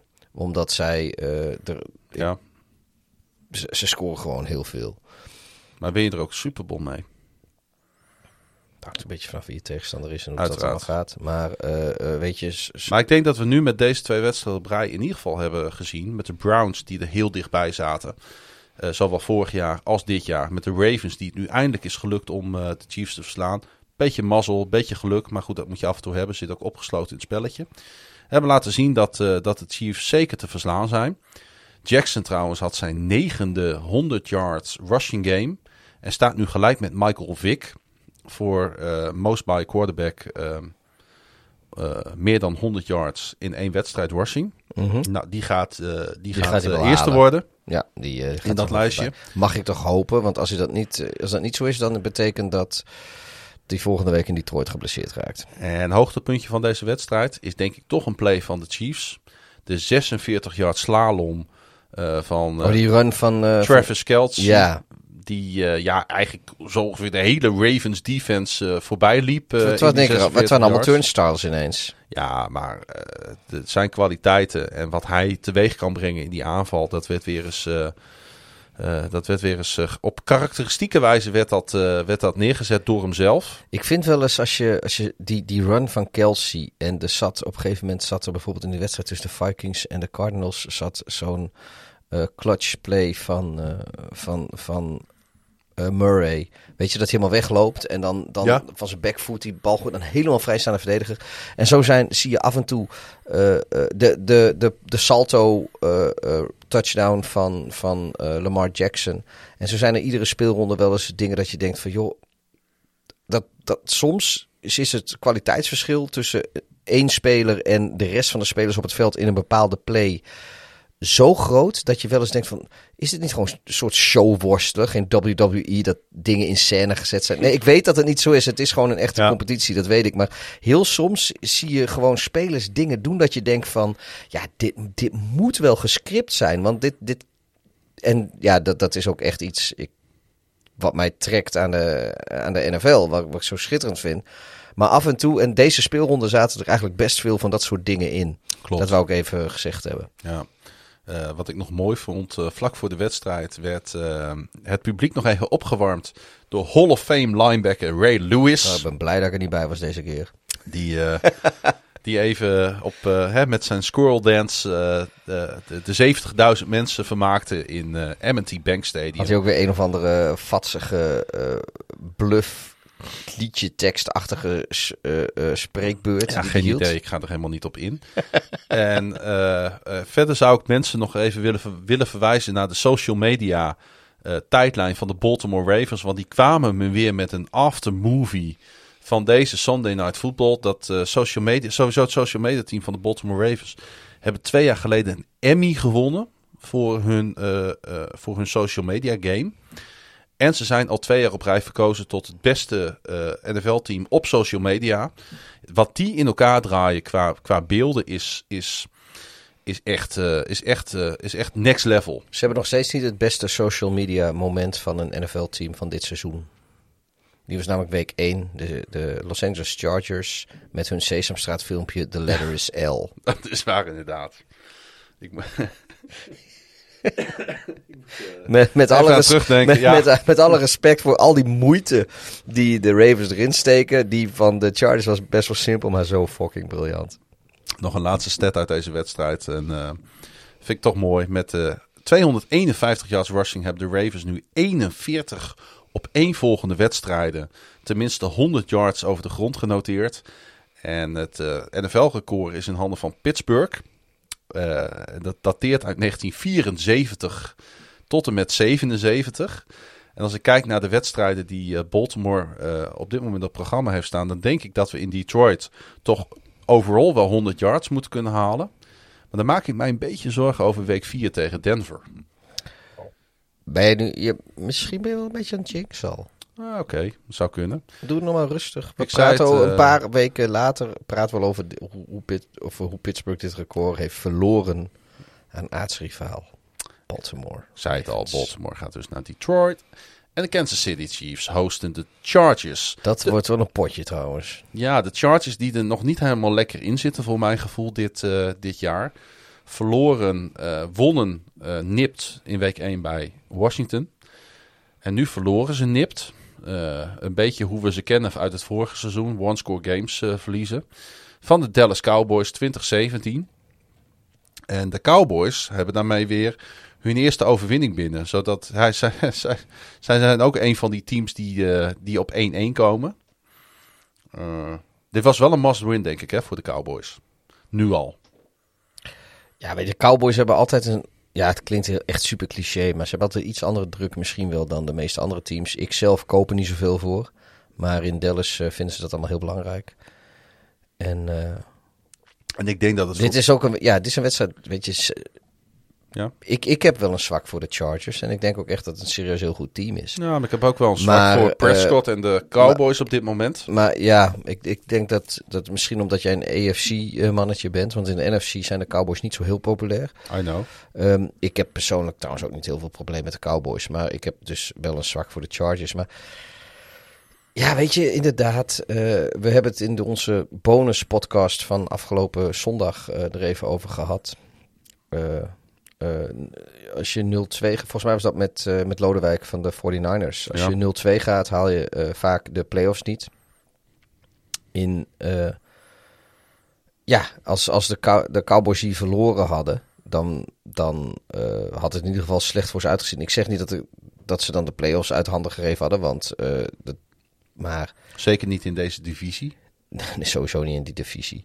Maar het, het, het staat wel heel lelijk. En als jij een, als team de playoffs wil halen, ongeacht in welke divisie of in welke conference je speelt, eh, dan moet je een team als de Chargers kunnen verslaan. Ja. Dat Hetzelfde want, want de Chargers zijn. Ik hoop dat ze de playoffs halen, maar in hun divisie is dat super lastig. Dat is, ja, weet je, dat is een, een fringe team. Ja, zij hebben echt twee van die, van die 50-50 games gespeeld. Hè? Ja. Washington voetbalteam zeiden van... Ja, die kun je winnen. Kun je net zo goed verliezen. Tegen de Dallas Cowboys. Ja, die kun je winnen. Maar die kun je ook verliezen. Ja. Dus ze staan 1-1. Eigenlijk is dat het logische gevolg Ja. van hun eerste twee wedstrijden. Nee, dat Ik klopt. weet dat dit ook wel... Het is heel simplistisch dit. Maar wat ik eigenlijk... Wat ik mooi zijn vond... simpele jongens hoor. is eh, dat Prescott eh, één weet wat winnen is, maar dat hij eigenlijk daar zelf ook voor heeft gezorgd. Want het was Prescott die zijn unit op het eind van de wedstrijd naar een goede spot. Eh, eh, hoe noem je dat? Ja, dirigeerde zou ik bijna willen zeggen. Ja, dat is denk ik wel een mooi woord. Waarop eh, Greg Zurline, die vorige week nog zo ongelukkig was met die, Greg the Leg. ja, die twee bepalende field goals miste in die wedstrijd tegen de Tampa Bay Buccaneers, opening night van de NFL. En nu kon hij met een 56 yard, en dat is toch ook niet heel erg simpel, een 56 yard field goal kon hij zijn team naar de overwinning schieten. En dat deed hij. Nou, dat Dus is- ik, wa ik was blij voor Prescott. Ja, ik was blij voor Greg the Leg. Het is ook wel gegund. En ik was ook blij voor Tony Pollard, want ik vind het toch wel heel erg leuk. Die komt toch wel een beetje bovendrijven bij de Cowboys.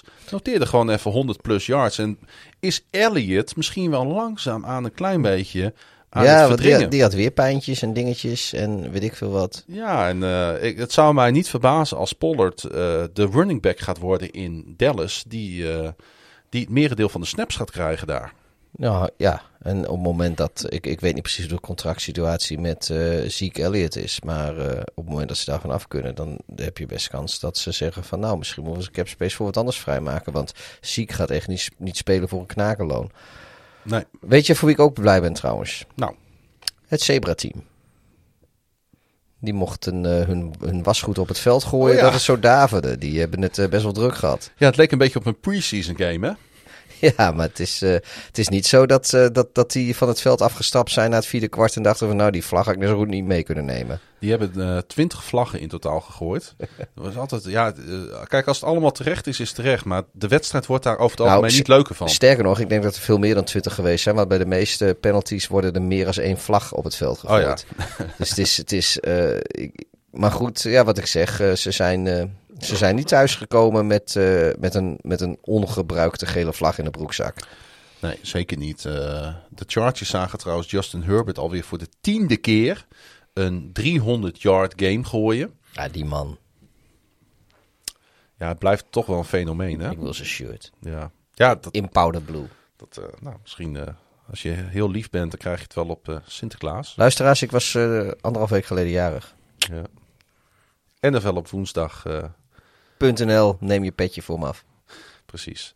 Ehm, oh ja, dat eh wou ik nog even zeggen. Eh, dat vind jij denk ik ook wel leuk. Het heeft iets meer dan 102 seizoenen geduurd. Maar voor het eerst in NFL history stond er een 14-11 halftime score op de borden. Kun je toch bijna niet voorstellen? Dus een, wat een soort, soort halftime scorigami. Juist.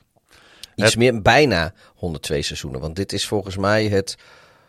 Vorig jaar was het 100 jaar bestaan. Dus het 100... Nee, twee, Nee, twee jaar geleden. Dus dit is al iets meer dan 102. Ja, dus dat was een honderdste. was vorig jaar een 101. 1, Ja, nu dus, 102. ja, maar het is nog niet afgelopen. Nee, oké, dat is waar. Ah, sorry hoor, ik zit weer te nitpikken. gelijk. Het is iets meer dan 101, In het- eh, 101 seizoenen geleden. Het heeft tot het 102e seizoen geduurd. Ja, wordt, wordt- maar ja, ik, ik vind het goed. Een halftime scorigami. Potato, potato. Ja, precies. Een halftime scorigami. eh Had, doe het trouwens, eh, had trouwens 14-14 kunnen zijn, maar eh Viziano, de Fic- Fic- Fi- Fi- Ficagno? Vi- vi- Fic- Viscagna- Viscagnano? Visca- Viscaino, whatever. Geen idee hoe die Weet je wat het enige wat ik weet van die man, hè? Ja. Dat weet ik echt uit heel betrouwbare bron. Is dat hij eh, niet zo'n fan is van Johan Cruijff. Ehm, want het had 14-14 kunnen zijn. Ja, en dat wilde hij per se niet. Hij zei van, ik, ik ben altijd een soort van Van Hanegem doet geweest. Maar ook dit was dan toch weer een dure mis. En hoe belangrijk kan een goede kikker zijn? Want eh, uiteindelijk werd deze wedstrijd beslist op drie punten. Drie punten Ja. die de Chargers dan weer lieten liggen. Het zit soms dicht bij elkaar in de NFL. De Cowboys krijgen de Eagles op bezoek. Dat is natuurlijk, want eh, hè, NFC East. een primetime game, Monday Night Football. En de Chargers die moeten echt wel beter voor de dag komen. Want die reizen af naar regerend AFC-champion Kansas City Chiefs. Gaan we afsluiten met een blokje van vier wedstrijden waar we even wat sneller doorheen gaan. Die niet zo spannend bleken te zijn. We beginnen in de AFC East met de New England Patriots uit de New York Jets 25-6. En we zeiden het al, ja, toch een op het oog simpele overwinning voor Mac Jones en de Pets. En ik eh, hoorde Mac Jones na de wedstrijd zeggen van, er zijn geen simpele overwinningen in de NFL. We moeten er hard voor werken, we moeten er hard voor knokken. Geloof ik ook. En ik geloof ook dat Bill Belichick dat absoluut van zijn spelers ik geloof ook dat Jones ook echt heel erg zijn best heeft gedaan. En heel hard getraind heeft deze week. Ja, en ik vond hem slim en efficiënt spelen. Ja. Maar dat is, dat is wat ik eerder zei. Dit, is, dit was echt. eh Belichick die eh, is, is bezig om, om Jones. eh, ehm, ja, weet je, de, de, de NFL in te laten rollen. En het is ook wel makkelijk hoor, als je in dit geval tegen een team als de Jets speelt, die, die niks anders doet. Weet je, als die mensen op een stoel zitten. Ik weet niet wie iedereen bij de Jets, een speler is, of een, of een coach, of, of een eigenaar, of een, misschien ook wel een fan. Die gaan volgens mij op een stoel zitten. En het eerste wat ze doen is een zaag pakken. En, en hun eigen poten eronder vandaan zagen. En dan een beetje omvallen en een beetje, een beetje op een kont liggen. Dom om zich heen kijken. Want het, het, het is haast kolderiek hoe, Ja. hoe die franchise op, op alle niveaus functioneert. Het is echt heel, heel triest. En als je daar fan van bent. Ik, ik, ja, Edu bijvoorbeeld, die, eh, die is dat. Maar kom op zeg. Hoe frustrerend moet dat zijn als je altijd weer de kont van de grap bent. Hij, eh, eh, bij ons e- event in Tilburg kwam op een gegeven moment Henk Kiel even binnenlopen. Oh ja. Die was toevallig in Brabant voor wat anders. ja, voor, Eh, die is ook Jets fan natuurlijk. komt uit Noord-Nederland, is ook supporter van FC Groningen. Hij kwam binnenlopen en hij zegt, hebben jullie al wat van de Jets gezien? Ik zeg, nou, die zijn helemaal niet voorbij gekomen op Red Zone. Ja, ze hebben twee field goals gemaakt. Ja, dan kom je niet in beeld. Hij zegt, het is... Al die picks waren anders. Ja, nee, ik zat natuurlijk. hij zei ook, het is toch eigenlijk treurig, zei hij. Nou ja, dat, dat is het, ook. Het is echt. Nee, maar oh, het het gaat al jaren zo. Ik weet nog in 2000, na seizoen 2010 hebben ze nog een eh, AFC Championship game gespeeld. Hebben ze verloren van de Steelers. Ja, Het jaar daarvoor of het met jaar Sanchez. daarna. Ja, het jaar daarvoor of daarna hebben ze ook nog in de playoffs gestaan met, eh, met Sanchez. Ja. Maar ehm, sindsdien, jongen, het is, het is triestigheid naar Ja, triestigheid. en toch vind ik dat ze met, eh met Salou een goede eh, move hebben Oh, ik- ge- ik- ge- dat gemaakt. hoop ik ook. Maar aan de andere kant, ik, ik ben bang, zoals dit seizoen zich na twee weken al aan het ontwikkelen is, dat ze zo'n Wilson. eh, kijk naar Sam Darnold, die staat gewoon lekker te ballen daar in, in Carolina. Hm. En maak nou. Maak nou eh eh Zach Wilson niet, niet, niet ook kapot, weet je. Spaar hem een beetje. En eh, wat ik eerder, een uur of zo geleden al zei. Je hoeft geen wedstrijden te winnen, want niemand verwacht van de Jets dat ze de Super Bowl winnen en je een nieuwe hoge draftpicks kunnen gebruiken. Maar zorg in ieder geval dat, dat, dat zo'n Wilson een beetje makkelijk die NFL makkelijke plays, geen intercepties, gewoon niet. Je hoeft niet alleen maar captain checkdown te zijn, maar het hoeft ook allemaal niet zo exotisch. En het is natuurlijk ook een beetje de hobby van Bill Belichick om eh, eh, het rookie quarterbacks eh verrekte lastig te maken. Hij is nu 22-6 tegen rookie quarterbacks sinds hij in 2000 coach werd van de Patriots. Dat zijn natuurlijk al indrukwekkende cijfers. Ja, De Patriots ontvangen zondag de Saints en de Jets reizen af naar Denver. In deze divisie eh, werd ook de wedstrijd tussen de Buffalo Bills op bezoek bij de Miami Dolphins gespeeld. 35-0. En weet je, shutout dat vind ik Ja. zo. Ja, dat is echt lelijk. verliezen van de Bills doet in Miami denk ik altijd wel pijn. Maar met 35-0 word je gewoon afgeslacht. Ja, een shutout is gewoon in de NFL is gewoon een, een ja, weet je, dat is gewoon echt een vernedering. Was dit eh, de wet van Murphy dat alles Ja. wat in de wedstrijd mis kan gaan, misgaat? Ja, eh, Tuar vrij, vrij snel raakte hij al geblesseerd. Ja. Da- ze stonden toen al 7-0 of 14-0 achter of zo. Weet je. Het was niet dat, het, dat, dat, dat, dat, dat ze echt in de wedstrijd zaten. Maar ik durf wel de stelling aan als Tua de wedstrijd uit had gespeeld. Hadden ze in ieder geval die hatelijke nul van het bord een keer gespeeld. Het was trouwens de op na grootste shutout loss van de Dolphins in eigen huis. Op eh, de wedstrijd tegen de Patriots in 2019 na. Eh, nou hebben de Dolphins altijd wel in ieder seizoen de laatste tien jaar dit soort wedstrijden ertussen zitten. Maar ja, dit geeft wel heel weinig hoop voor de toekomst. Hè?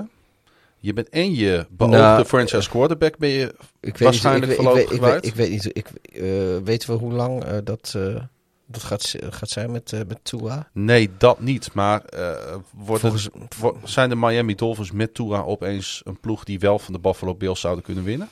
Nee, maar ze worden niet zo aan de kant gezet. En ehm, ja, weet je, de, de, de- ze- kijk, ze komen wel gewoon in week 1 in, in, in, in Foxborough Dat is waar. met Tua. En ik zeg niet dat ze toen de sterren van de hemel speelden.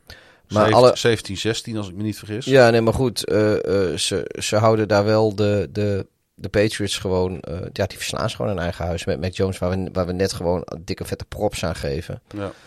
Ehm, ja, eh, Dolphins playoff kandidaat, nee.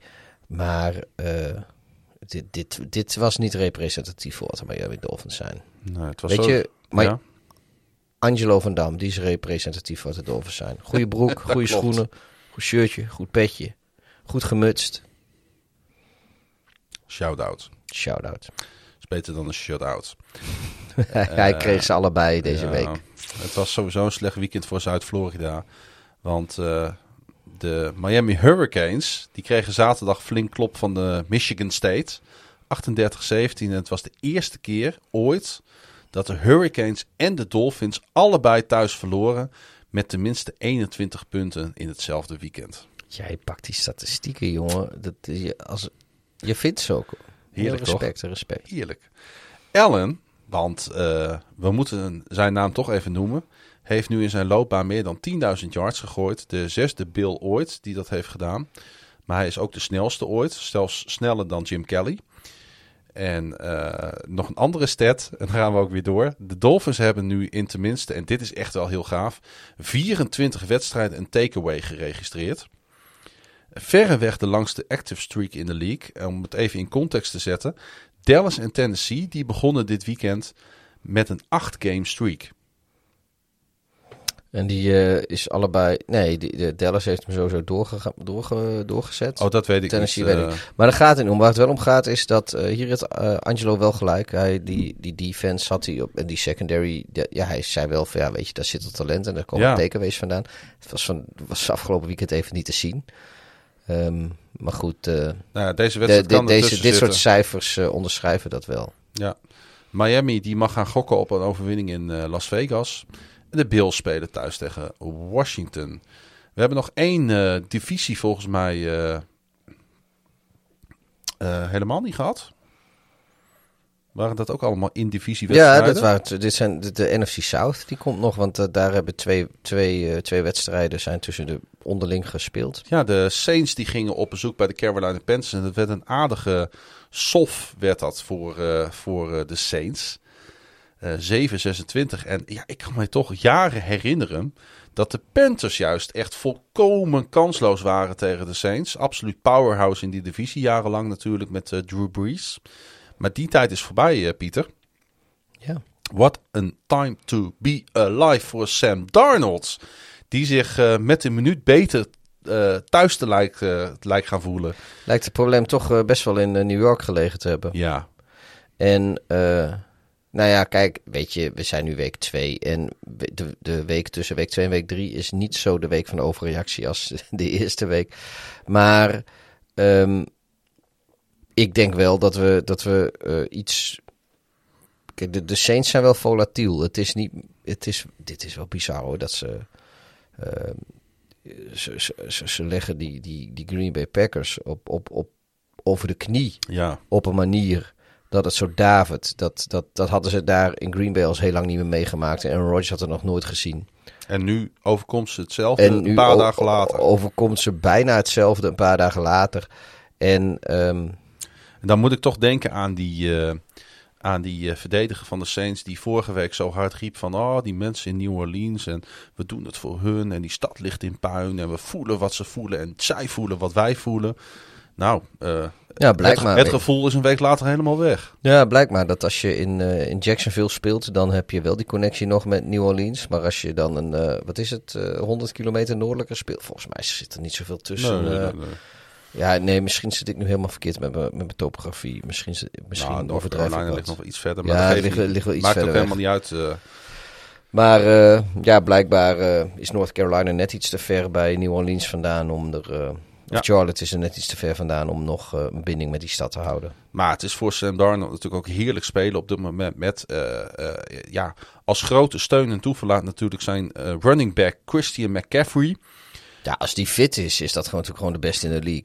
Nou ja, en dan heeft hij ook Of nog in ieder geval één van de beste. Maar dat is niet alles. Hij heeft natuurlijk een betrouwbare receivers. En hij heeft een defense die light-out speelt.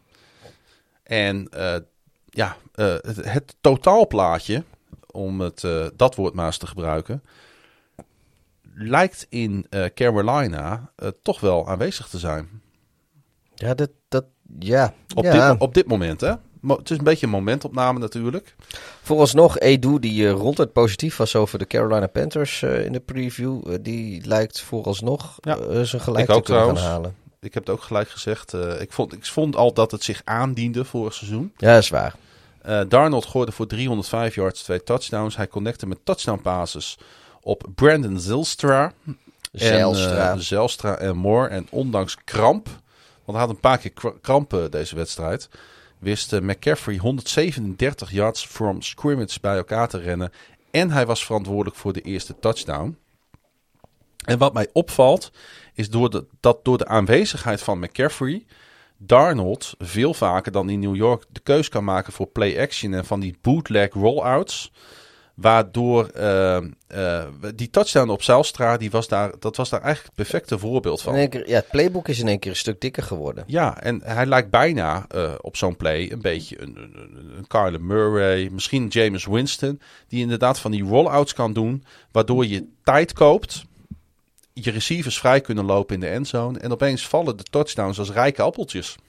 Noem je dat zo? Rijpe appeltjes. Rijpe appeltjes. Het is eh, half drie, s'nachts. Het, ja, jij, jij bent in de war met goudappeltjes. Dat Ja. zijn rijke appeltjes. Ja. Eh, James Winston, die had het natuurlijk eh, moeilijk nadat hij vorige week nog vijf touchdown passes noteerde in Dat was die ontvoerd, hoorde ik. eh, op de Packers. Winston noteerde 111 yards door de lucht. Ja, dat is natuurlijk belachelijk Nee, het was, het was allemaal niet, niet zo best. Hij leverde de bal twee keer in en hij werd vier keer gesekt. En in totaal noteerden de Saints 128 yards op offense. Het laagste ooit onder coach Sean Payton.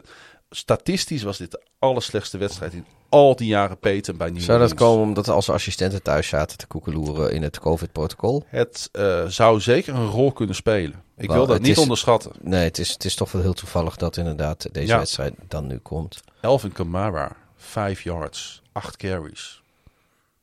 dat is ook niet best. Nee. Je zal maar hebben fantasy. De Panthers zijn 2-0 voor de eerste keer sinds 2017. Het jaar dat ze ook voor het eerst, voor het laatst de playoffs haalden.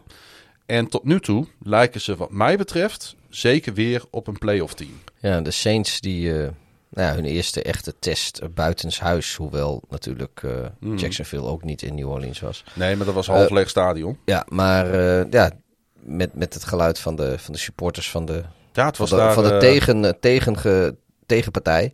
de mensen in Charlotte weten het stadion weer te vinden. Ja, dus dat, eh, dat zag er allemaal niet best uit. Ze, ze faalden een beetje voor die test. En nou, ja, nu, nu, het is ook niet dat ze het nou meteen makkelijk krijgen, want ze moeten naar Foxborough. En eh, de Panthers, nou ja, dat, de oplettende luisteraar weet het al, want het is al verklapt. Die, die spelen tegen de Houston Texans de Thursday Night Football over een paar dagen alweer. Laatste wedstrijd eh, in het eh, rijtje van 15 wedstrijden die we aan het recappen zijn, is de wedstrijd Atlanta Falcons uit Tampa Bay Buccaneers 25. 48 punten voor de Buccaneers. Voor de Tampa Bay Buccaneers fans en de Atlanta Falcons fans, sorry dat je bijna 2,5 uur moest wachten, maar nu komt hij. Nou ja, de Buccaneers zijn 2-0. Ja, en de Falcons niet. Nee. Eh, ja, het is, het, er zat ook niet zoveel... Weet je, iedereen had van tevoren verwacht dat de Falcons eh, best wel een, een, een matig tot slecht team zouden zijn. Ehm de het valt Buccaneers... mij nog mee dat ze 25 punten op het bord getoverd hebben. Ja, ja, ja, ja, ja. Dus op een gegeven moment had ik er zoiets van, nou... Maar dat, eh, de Buccaneers zijn weer gewoon ouderwets goed. En Ja, er was zo'n punt in de wedstrijd dat je denkt als de Falcons het op weten te pikken nu. En ze weten het om te turnen, kan het nog een wedstrijd worden. Maar je weet eigenlijk ook tegelijkertijd dat dat niet gaat gebeuren.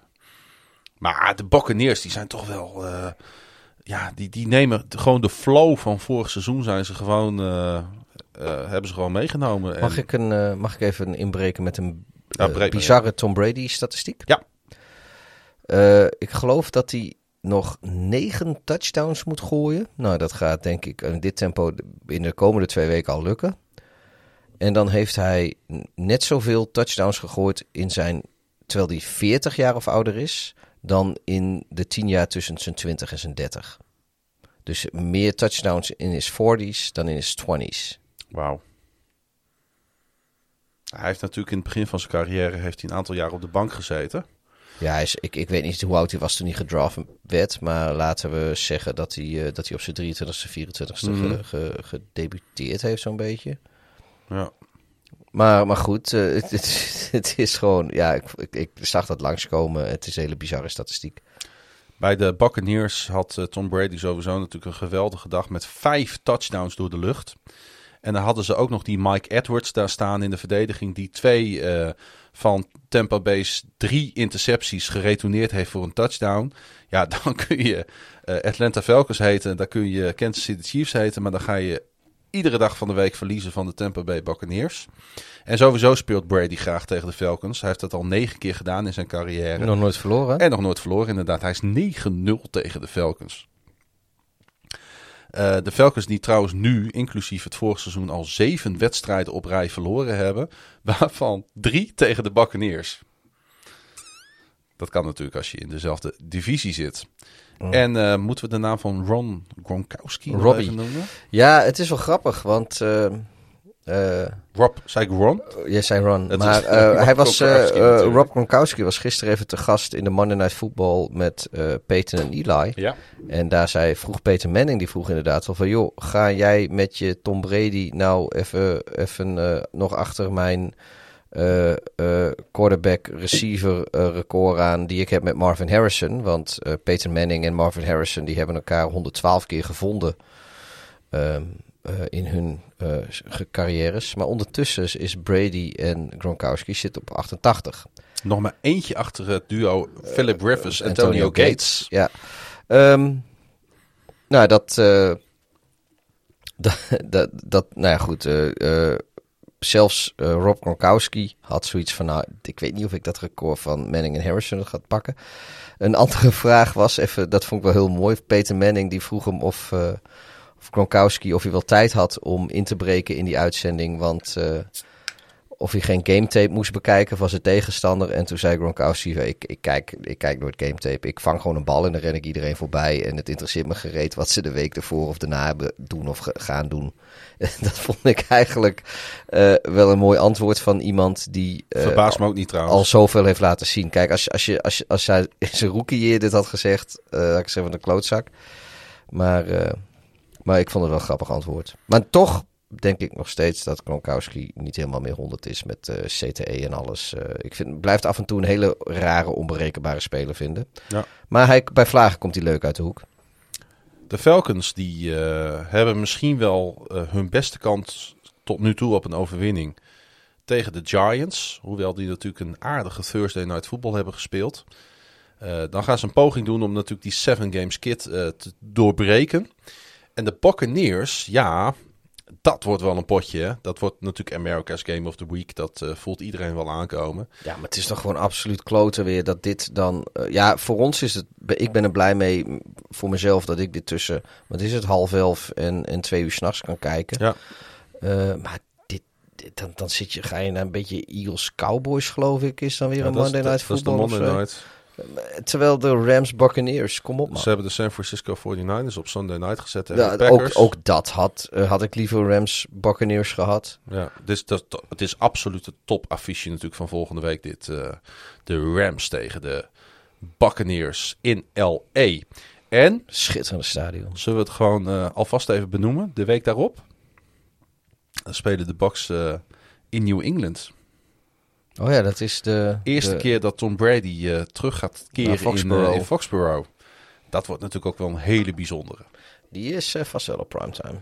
Ja, en, en terecht. Sowieso.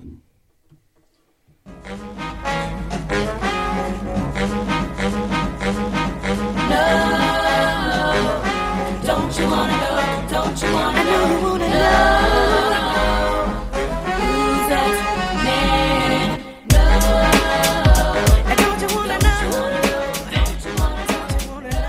De Who's That Man van deze week. Uh, en hij kwam al even voorbij. Is uh, een NFL-speler met een uh, Nederlandse achternaam. Dat vinden wij dan altijd leuk hè, als wij dat spotten. Het ja. gaat om Brandon Zielstra, zoals ze dat in Amerika uitspreken. Wij mogen gewoon Zelstra zeggen. Wij kregen deze suggestie trouwens ook zondag, toen hij in beeld kwam op Redzone, van een van onze luisteraars, die ja. dus ook bij het event was. Ik moet alleen eerlijk zeggen dat ik niet meer weet wie het was. Maar uh, ik, uh, ik was er wel mee eens met de suggestie. Nou ja, ik vind het ook leuk om, eh, aangezien ze het toch zo goed doen, om er eens een keer een speler van de Carolina Panthers uit te pakken. En hij heeft niet echt een heel bijzonder verhaal. En ik heb ook geen enkele Nederlandse eh, connectie kunnen vinden. Nou, ik heb een collega die heet Zelstra, die is voor Cambuur en ik denk dat ze familie zijn. Eh, heeft hij ook eh, zo'n, zo'n, zo'n eh, hoe noem je het, Y? Of heeft hij een lange ei? Ja, hij maar- heeft echt een Y in zijn Ja, maar weet je, weet je, Johan Cruijff heeft dat op een gegeven moment ook gewoon veranderd, omdat het internationaal net wat Ja, dat is was. wel. Weet je, dat, dat kun je gewoon zo doen. Kost 500 ekkies, is niet zo'n probleem. Maar wie is hij? Brandon Zelstra. Hij is eh, een wide receiver en punt returner voor de Carolina Panthers. Hij speelt nu eh, voor het derde jaar in, de, in Charlotte. En speelde de voorbije twee jaren. En eh, ja, hij was ons al wel eens eerder opgevallen natuurlijk. 24 wedstrijden. In totaal speelde de nu 28-jarige Zelstra, dus hij is een beetje een laadbloeier, in 42 career NFL games. Zelstra werd geboren in Spicer, Minnesota. Dat is een heel klein plaatsje met zo'n 1200 inwoners. Dat ligt aan de westkant van Green Lake. Wat niet zo raar is, want volgens mij, eh, ik weet niet of je er wel eens geweest bent, maar de staat Minnesota staat bekend om haar vele meren. Ja, ik eh, zal nog een keer mijn Krijgen droppen. Ja, Gaat hij? Ja, nou Zo vooruit. komen de Los Angeles Lakers aan hun naam, maar die komen Houston. oorspronkelijk uit Minneapolis. Alsjeblieft, dankjewel, bam. Door het eh, meer is eh, het bescheiden Spicer best populair. En er zijn een paar fijne hotels, zoals het Hampton Inn. Nou, waar in Amerika heb je geen Hampton Inn? Ook in Spicer staat er één. Ik weet toevallig één plaatsje, want daar zocht ik er eentje en dan ben ik uiteindelijk bij een ander motel terechtgekomen. Maar Coleman, Alabama heeft er niet eentje. Heeft niet eentje. Nee. Nou, dat kan bijna niet. Ja, dat klopt. Ik, daar heb ik dus in een, in een mom-en-pop motel geslapen. Zelfs Spicer heeft er één. En ik heb gelezen op de Google Reviews dat het zwembad er 24 uur per dag open is. Het personeel er behulpzaam is en het ontbijt geweldig. Al dus Rachel van de Stouwen een maand geleden op de Google Reviews. Je kan er een bootje huren, je kunt er aan het strand liggen. En bij Big Kahuna Fun Park kun je midget golven. Kortom, het leven in Spicer is goed. Zelstra die groeide ook op in Spicer en speelde al voetbal voor de New London Spicer High School in New London. Dat is een plaatsje even ten noorden van Spicer. En dat is dan wel weer leuk. Voor zover ik heb kunnen vinden is Zelstra de enige NFL-speler die op deze high school heeft gezeten. Dus hij is de enige NFL-alumni, zeg maar, van deze high school. Doe maar. Zelstra ging eh, na high school naar Concordia Moorhead University. Een school dat ooit gesticht is door de Noren in 1891. De Noren hebben daar natuurlijk eh, een land eh, gesticht. Waardoor natuurlijk ook de Minnesota Vikings hebben daar ook een beetje hun naam aan ontleend. Hè. Die Noren hebben een connectie daar met die, met die regio. En, eh, ik heb begrepen dat dat een zeer exclusieve school is die veel bekende wetenschappers en dominees heeft voortgebracht. Want eh, aangezien het eh, natuurlijk Europeanen waren die daar stichten, was ook het, werd het christelijk geloof daar natuurlijk ook gebracht. Maar er zijn ook enkele NFL-spelers, er zijn niet veel, maar er zijn een paar NFL-spelers op de alumni-lijst van Concordia Moorhead University terug te vinden. En het zijn er twee. En dat zul je dan altijd zien dat er toch weer een verhaal in zit. Barry Bennett, voormalig defensive lineman van de Saints, de Jets en de Vikings tussen 1978 en 1988. En eh, daar zit een zeer, zeer treurig verhaal achter. Want Barry en zijn vrouw Carol werden in augustus 2019, dus nog niet eens zo heel lang geleden, doodgeschoten in hun eigen huis. Hun zoon, de 22-jarige Dylan, bleek de dader. Hij is eh, na die daad met de auto van zijn moeder naar Columbus, Ohio gevlucht. Daar heeft hij een vlucht naar Cancún, Mexico gepakt. En een paar dagen later is hij daar uiteindelijk gearresteerd. Dus dan heb je twee NFL-alumni, zeg maar, op jouw university. Mhm. En, En- een en- daarvan is gewoon doodgeschoten door zijn eigen zoon als... Ja, dat is toch een ongelooflijk triest verhaal. Ja, doe een beetje denken aan Marvin Gaye. Die werd doodgeschoten door zijn eigen vader. Het is Ja. geen NFL-speler, Nee. een zanger, maar Maar ja, Weet je, dat- het wel van dezelfde triestigheid. het, het is een- dezelfde triesterigheid. Ja. Ja. Ja. De andere Concordia Moorhead is Gary Larson. Die in 1964 in de tiende ronde als 133ste pick werd gekozen door de LA Rams. Maar vervolgens negen jaar lang defensive tackle was voor de Vikings. Hij was een van de vier Purple, Purple People Eaters. Misschien heb je daar wel eens van People gehoord. Eaters. Ja, ja, ja. De Purple Peter, People Eaters. Ik moet gaan met Peters. De Purple People Eaters. Ja, nee, dat eh, is een van de, van de- Ik vind het altijd een hele mooie bijnaam. eh. Nog één keer, de Purple People Eaters. De fameuze defensive line van de Minnesota Vikings tussen 1960 en 1970. Terug naar Zelstra, die zijn eh, profloopbaan begon in de Canadian Football League bij de Edmonton Eskimo's. Briljante naam.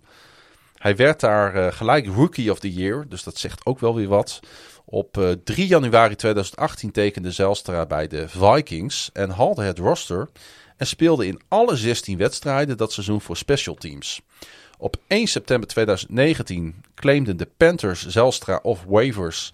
En op 27 december 2020 scoorde Zelstra zijn eerste career NFL touchdown nadat hij een maft punt recoverde en returnde naar de endzone in een wedstrijd tegen een Washington voetbalteam.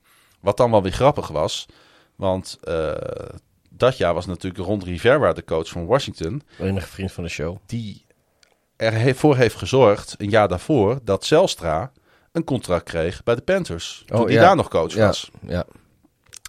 Eh, afgelopen februari tekende Zelstra een eenjarige deal bij de Panthers. Ik heb dus niets kunnen vinden over een Nederlandse connectie. Maar wat ik wel weet, is dat rapper Baas B eigenlijk Bart Zelstra heet. Ja, dat vind ik een, een heel mooie conclusie van deze Who's That Man. Gaan we voorspellen? Wat ik wel grappig vind trouwens, dat iedereen van Concordia Moorhead in ieder geval minimaal één seizoen voor de Vikings gespeeld heeft. Alle drie de Ja. NFL-spelende alumni. Ja, dat was, nee, die andere alumni heeft volgens mij niet gespeeld, maar is... eh, oh ja, nou, oké. Saints, Jets, heeft- Vikings is, zag ik. is scout geweest. oh, eh, oké. Nee, maar hij staat hier dit, in, ja. dat hij er... eh, defensive lineman voor de Saints, Jets en Vikings. En die Ja. andere was bij de Purple Peter... People, zeg het weer. De Purple Peter Eaters. En, eh, en natuurlijk eh, Jantje Zelstra hier. Die jij geen Jantje heet, maar zo noem ik hem wel.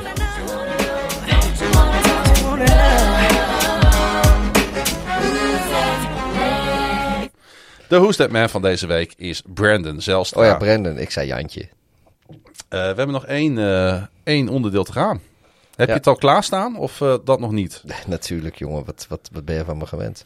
Eh, we gaan direct beginnen. Oh, we gaan eerst even vertellen dat jij de vorige ronde gewonnen hebt. Met de score 11, 11 goede wedstrijden voorspeld. En dat is niet vaak voorgekomen in eh, NFL op woensdag history. Nee, je hebt er 11 goed voorspeld, wat eh, best oké is. Ik had er 10 goed. het, Ja, het, verschil redelijk voorspeld allebei. het verschil werd uiteindelijk gemaakt door, door Dallas in jouw voordeel. Want ik had daar de Chargers staan. En vervolgens hadden we de rest allemaal fout. Want wij dachten dat Seattle de, en Detroit zouden winnen. En ook de Chiefs. Dus daarna gebeurde er ook eh, niks meer qua punten. Ehm, maar we gaan nu naar ronde 3. Thursday Night Football. Eh, Houston op bezoek bij de Carolina Panthers. Ja, ik, eh, ik, ik- de Carolina Panthers zijn dusdanig in vorm... dat ik bijna me niet kan voorstellen dat Houston... ondanks dat ik denk dat die wel wat puntjes gaan maken... dat gaan winnen. Dus ik ga hier voor de Panthers. Ik ga hier ook voor Carolina heel saai. Eh, de Colts op bezoek bij de Titans. Colts. Ik eh, ga hier voor Tennessee. Eh, de New York Football Giants ontvangen de Atlanta Falcons. Giants. Neig. Ik zeg... weet je, ik geef ATL een, Ja, een het is, ook een, het is ook een coin flip hoor. Deze Ja, nee, maar we moeten ook niet altijd al hetzelfde hebben. Dus ik geef hem een Atlanta dan. Eh, dan gaan de Chargers eh, afreizen naar Missouri om bij de Kansas City Chiefs eh, te gaan koekeloeren. Dan gaan de Chiefs wel winnen. Ja, dat denk ik ook wel, ja. Die, eh, die laten zich niet twee weken op rij verrassen, denk ik. Eh KC, KC. Keno. Keno. KC, Keno. Pap, pap. Eh, de Pittsburgh Steelers, die gaan natuurlijk ontvangen de Cincinnati Bengals. Gaan de Bengals winnen.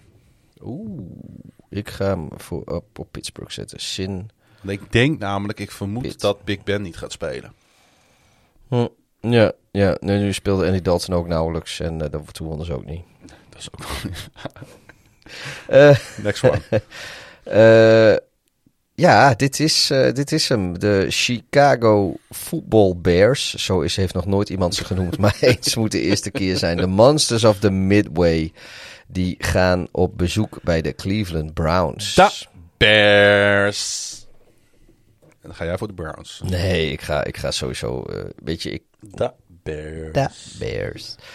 Eh, nou, nu gaan we van eh, het ene beste team in de NFL naar het andere beste team in de NFL. De Baltimore Ravens, die het in Detroit moeten doen. Ja, ik, eh, ik moet toch wel heel raar lopen. Willen de Ravens juist die droppen. Dus ik ga hier toch wel voor, eh, voor Baltimore. Same seas. Ja. Eh, nou, nu, is het, eh, nu gaan we naar de Notne. New Orleans tegen New England. Die staat op mijn eh, papiertjes N-O-N-E. Mag jij eerst? Ik geef hem aan New England. Dan geef ik hem aan New Orleans. Ik ben ook echt wel benieuwd voor deze. Dit lijkt Ja, me echt een leuke wedstrijd om te zien. pot, eh, behalve dan dat ik al andere wedstrijden ga kijken. Ehm, ja, ik hoef dit niet te vragen. De, de Cardinals die, eh, die gaan op bezoek bij de Jacksonville Jaguars. Ja, dat gaan de Cardinals winnen. Dat, eh, daar maak ik me ook niet zoveel zorgen over. Die zitten allebei op Ari. Eh, de Washington voetbalteam die naar de Buffalo Bills gaan. Ik, ik zet hem op Buffalo. Ik Ik zet hem op, ook op Buffalo. heb het toch wel overtuigd hoor tegen Miami. Ja. Nou, dit is ook niet zo'n... De, de, de, de, de, eh, wat ben ik? De Jets op bezoek in Denver Mile High. Ja, ook dit is niet een... Denver. Ja, hier, gaan we, hier gaan we het onderscheid niet maken met Nee. z'n tweeën. Nee. Miami, Las Vegas. Las Vegas. Viva Las Vegas, baby. Ik, dit is zo saai als we ze allebei steeds Ja, hetzelfde maar doen. goed, we moeten ook gewoon eerlijk voorspellen. Oké, Het Seattle, verschil wordt echt wel gemaakt namelijk. Over, het heel, over een heel seizoen. Seattle Mini. Minnesota. Eh, Minnesota speelt thuis in het Vikingskippen tegen de Seattle Seahawks. Seattle.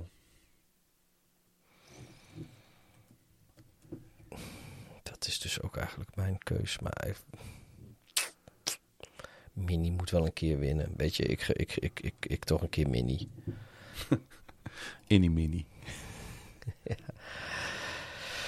Eh, Tampa Bay Buccaneers die dus naar de LAR... Ik heb LA staan, maar het is L-A-R.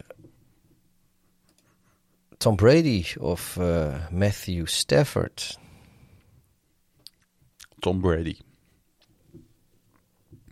Dan zet ik hem op de Rams. Gewoon. Maar dat is ook wel een, eh, wel een pot die door ja. allebei gewonnen kan worden. San Francisco ontvangt mijn niet zulke goede vrienden uit het noorden, Ja. uit Wisconsin. Ik denk dat eh, Green Bay die gaat winnen. Nou, dan zet ik hem gewoon op San Francisco, want YOLO. Zie je wel dat verschil gemaakt kan worden. Ja, nee, dat klopt. Maar dat, dat- op een gegeven moment moet je ook. Ehm, Philadelphia en Dallas, die gaan elkaar ook tegenkomen op de Monday Night, wat we net zeiden. Dallas speelt thuis. Dallas. Dallas. Dat denk ik ook. Ik, ik, ja, ondanks een eerste, eerste week overwinning heb ik niet zo'n hoge pet open van onze vrienden Nou. uit, eh, wat is het? The City of Brotherly Love? Philadelphia? Ja. Start er maar in, eh, dat eindbedje. Ja, zit het, eh, zit, hebben we alles... Oh ja, dat was natuurlijk de Monday Night Voetbal was dat, hè? Ja?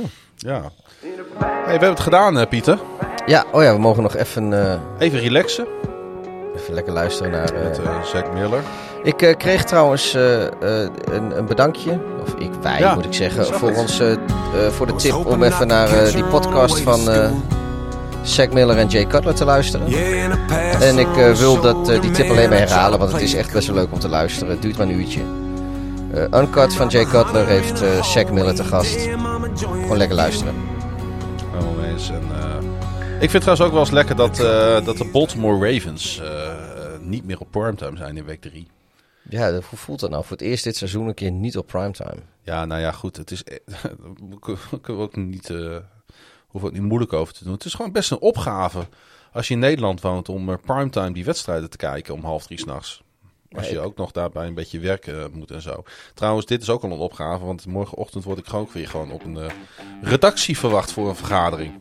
Same seas. Dus, Ja, eh, geen redactie, wel Eh, vergaderen. een paar uurtjes slapen en dan eh, gaan we weer door. Ik hoop dat mijn, eh, mijn dag morgen beter gaat dan die van vandaag. Goed, we gaan het eh, weer gewoon zeggen. Je kunt ons volgen op de socials. Ja, eh Klaasie Grun, dubbel A, dubbel S, dubbel N als je Klaas Jan wil volgen. Het Darf, laagstreepje hideous voor Pieter. En eh, je kan ons bereiken op eh NFL op woensdag.nl voor eh, de petje.af als je ons wil steunen. En dat, eh, dat zouden we altijd heel erg op prijs stellen. 2,50 euro per maand eh, ben je al lid. Ja, ben je al knakenlid. Voor 5 euro in de maand eh, ben je echt lid. En ik denk dat er dit jaar iets gaat komen. Dit seizoen gaat er nog iets komen. Waardoor je lid moet worden van onze Petje per Dag pagina. Teaser. Ja, dat is een, een, een teaser. Ja. Eh, ja, je hebt nog kvmedia.nl waar je heen kan. Dan kun je kijken wat voor andere leuke podcasts gemaakt worden door, eh, door mijn vrienden van KVM Media. En in Eh, principe... de, en, en je hebt natuurlijk de NFL op woensdag socials. Ja. De, alles, het, of je nou Facebook, Instagram of Twitter. We heten overal NFL op woensdag. En volg dat ook vooral. Ja, En, vind je ergens wat van? Of heb je een vraag? Of heb je een verzoek? Heb je een opmerking? Eh, gooi het in onze DM-box. Of gooi het gewoon in het openbaar. Zodat andere mensen ook kunnen meelezen. we zijn nooit te beroerd om te reageren. Zeker of het niet, eh. desnoods behandeld in de podcast zelf. Het kan soms even duren voordat we reageren. Maar eh, we vinden het heel tof om met jullie connected te zijn. Hey, de Precies. Bears hebben gewonnen. De Ravens Ravens hebben gewonnen. We hebben een gelukkig. ontzettend tof event gehad. Dat is een goede week. Dat was een goede week. Absoluut. We gaan afsluiten en eh, dat doen we natuurlijk altijd met jullie te bedanken na het luisteren, voor het luisteren naar NFL op woensdag seizoen 2, aflevering 18. Beste maar weer. Hey. We gaan allemaal eh, liedjes door elkaar doen. Beste maar weer. Kom maar op met die roffel. Waar is die? Je handen gaan overal.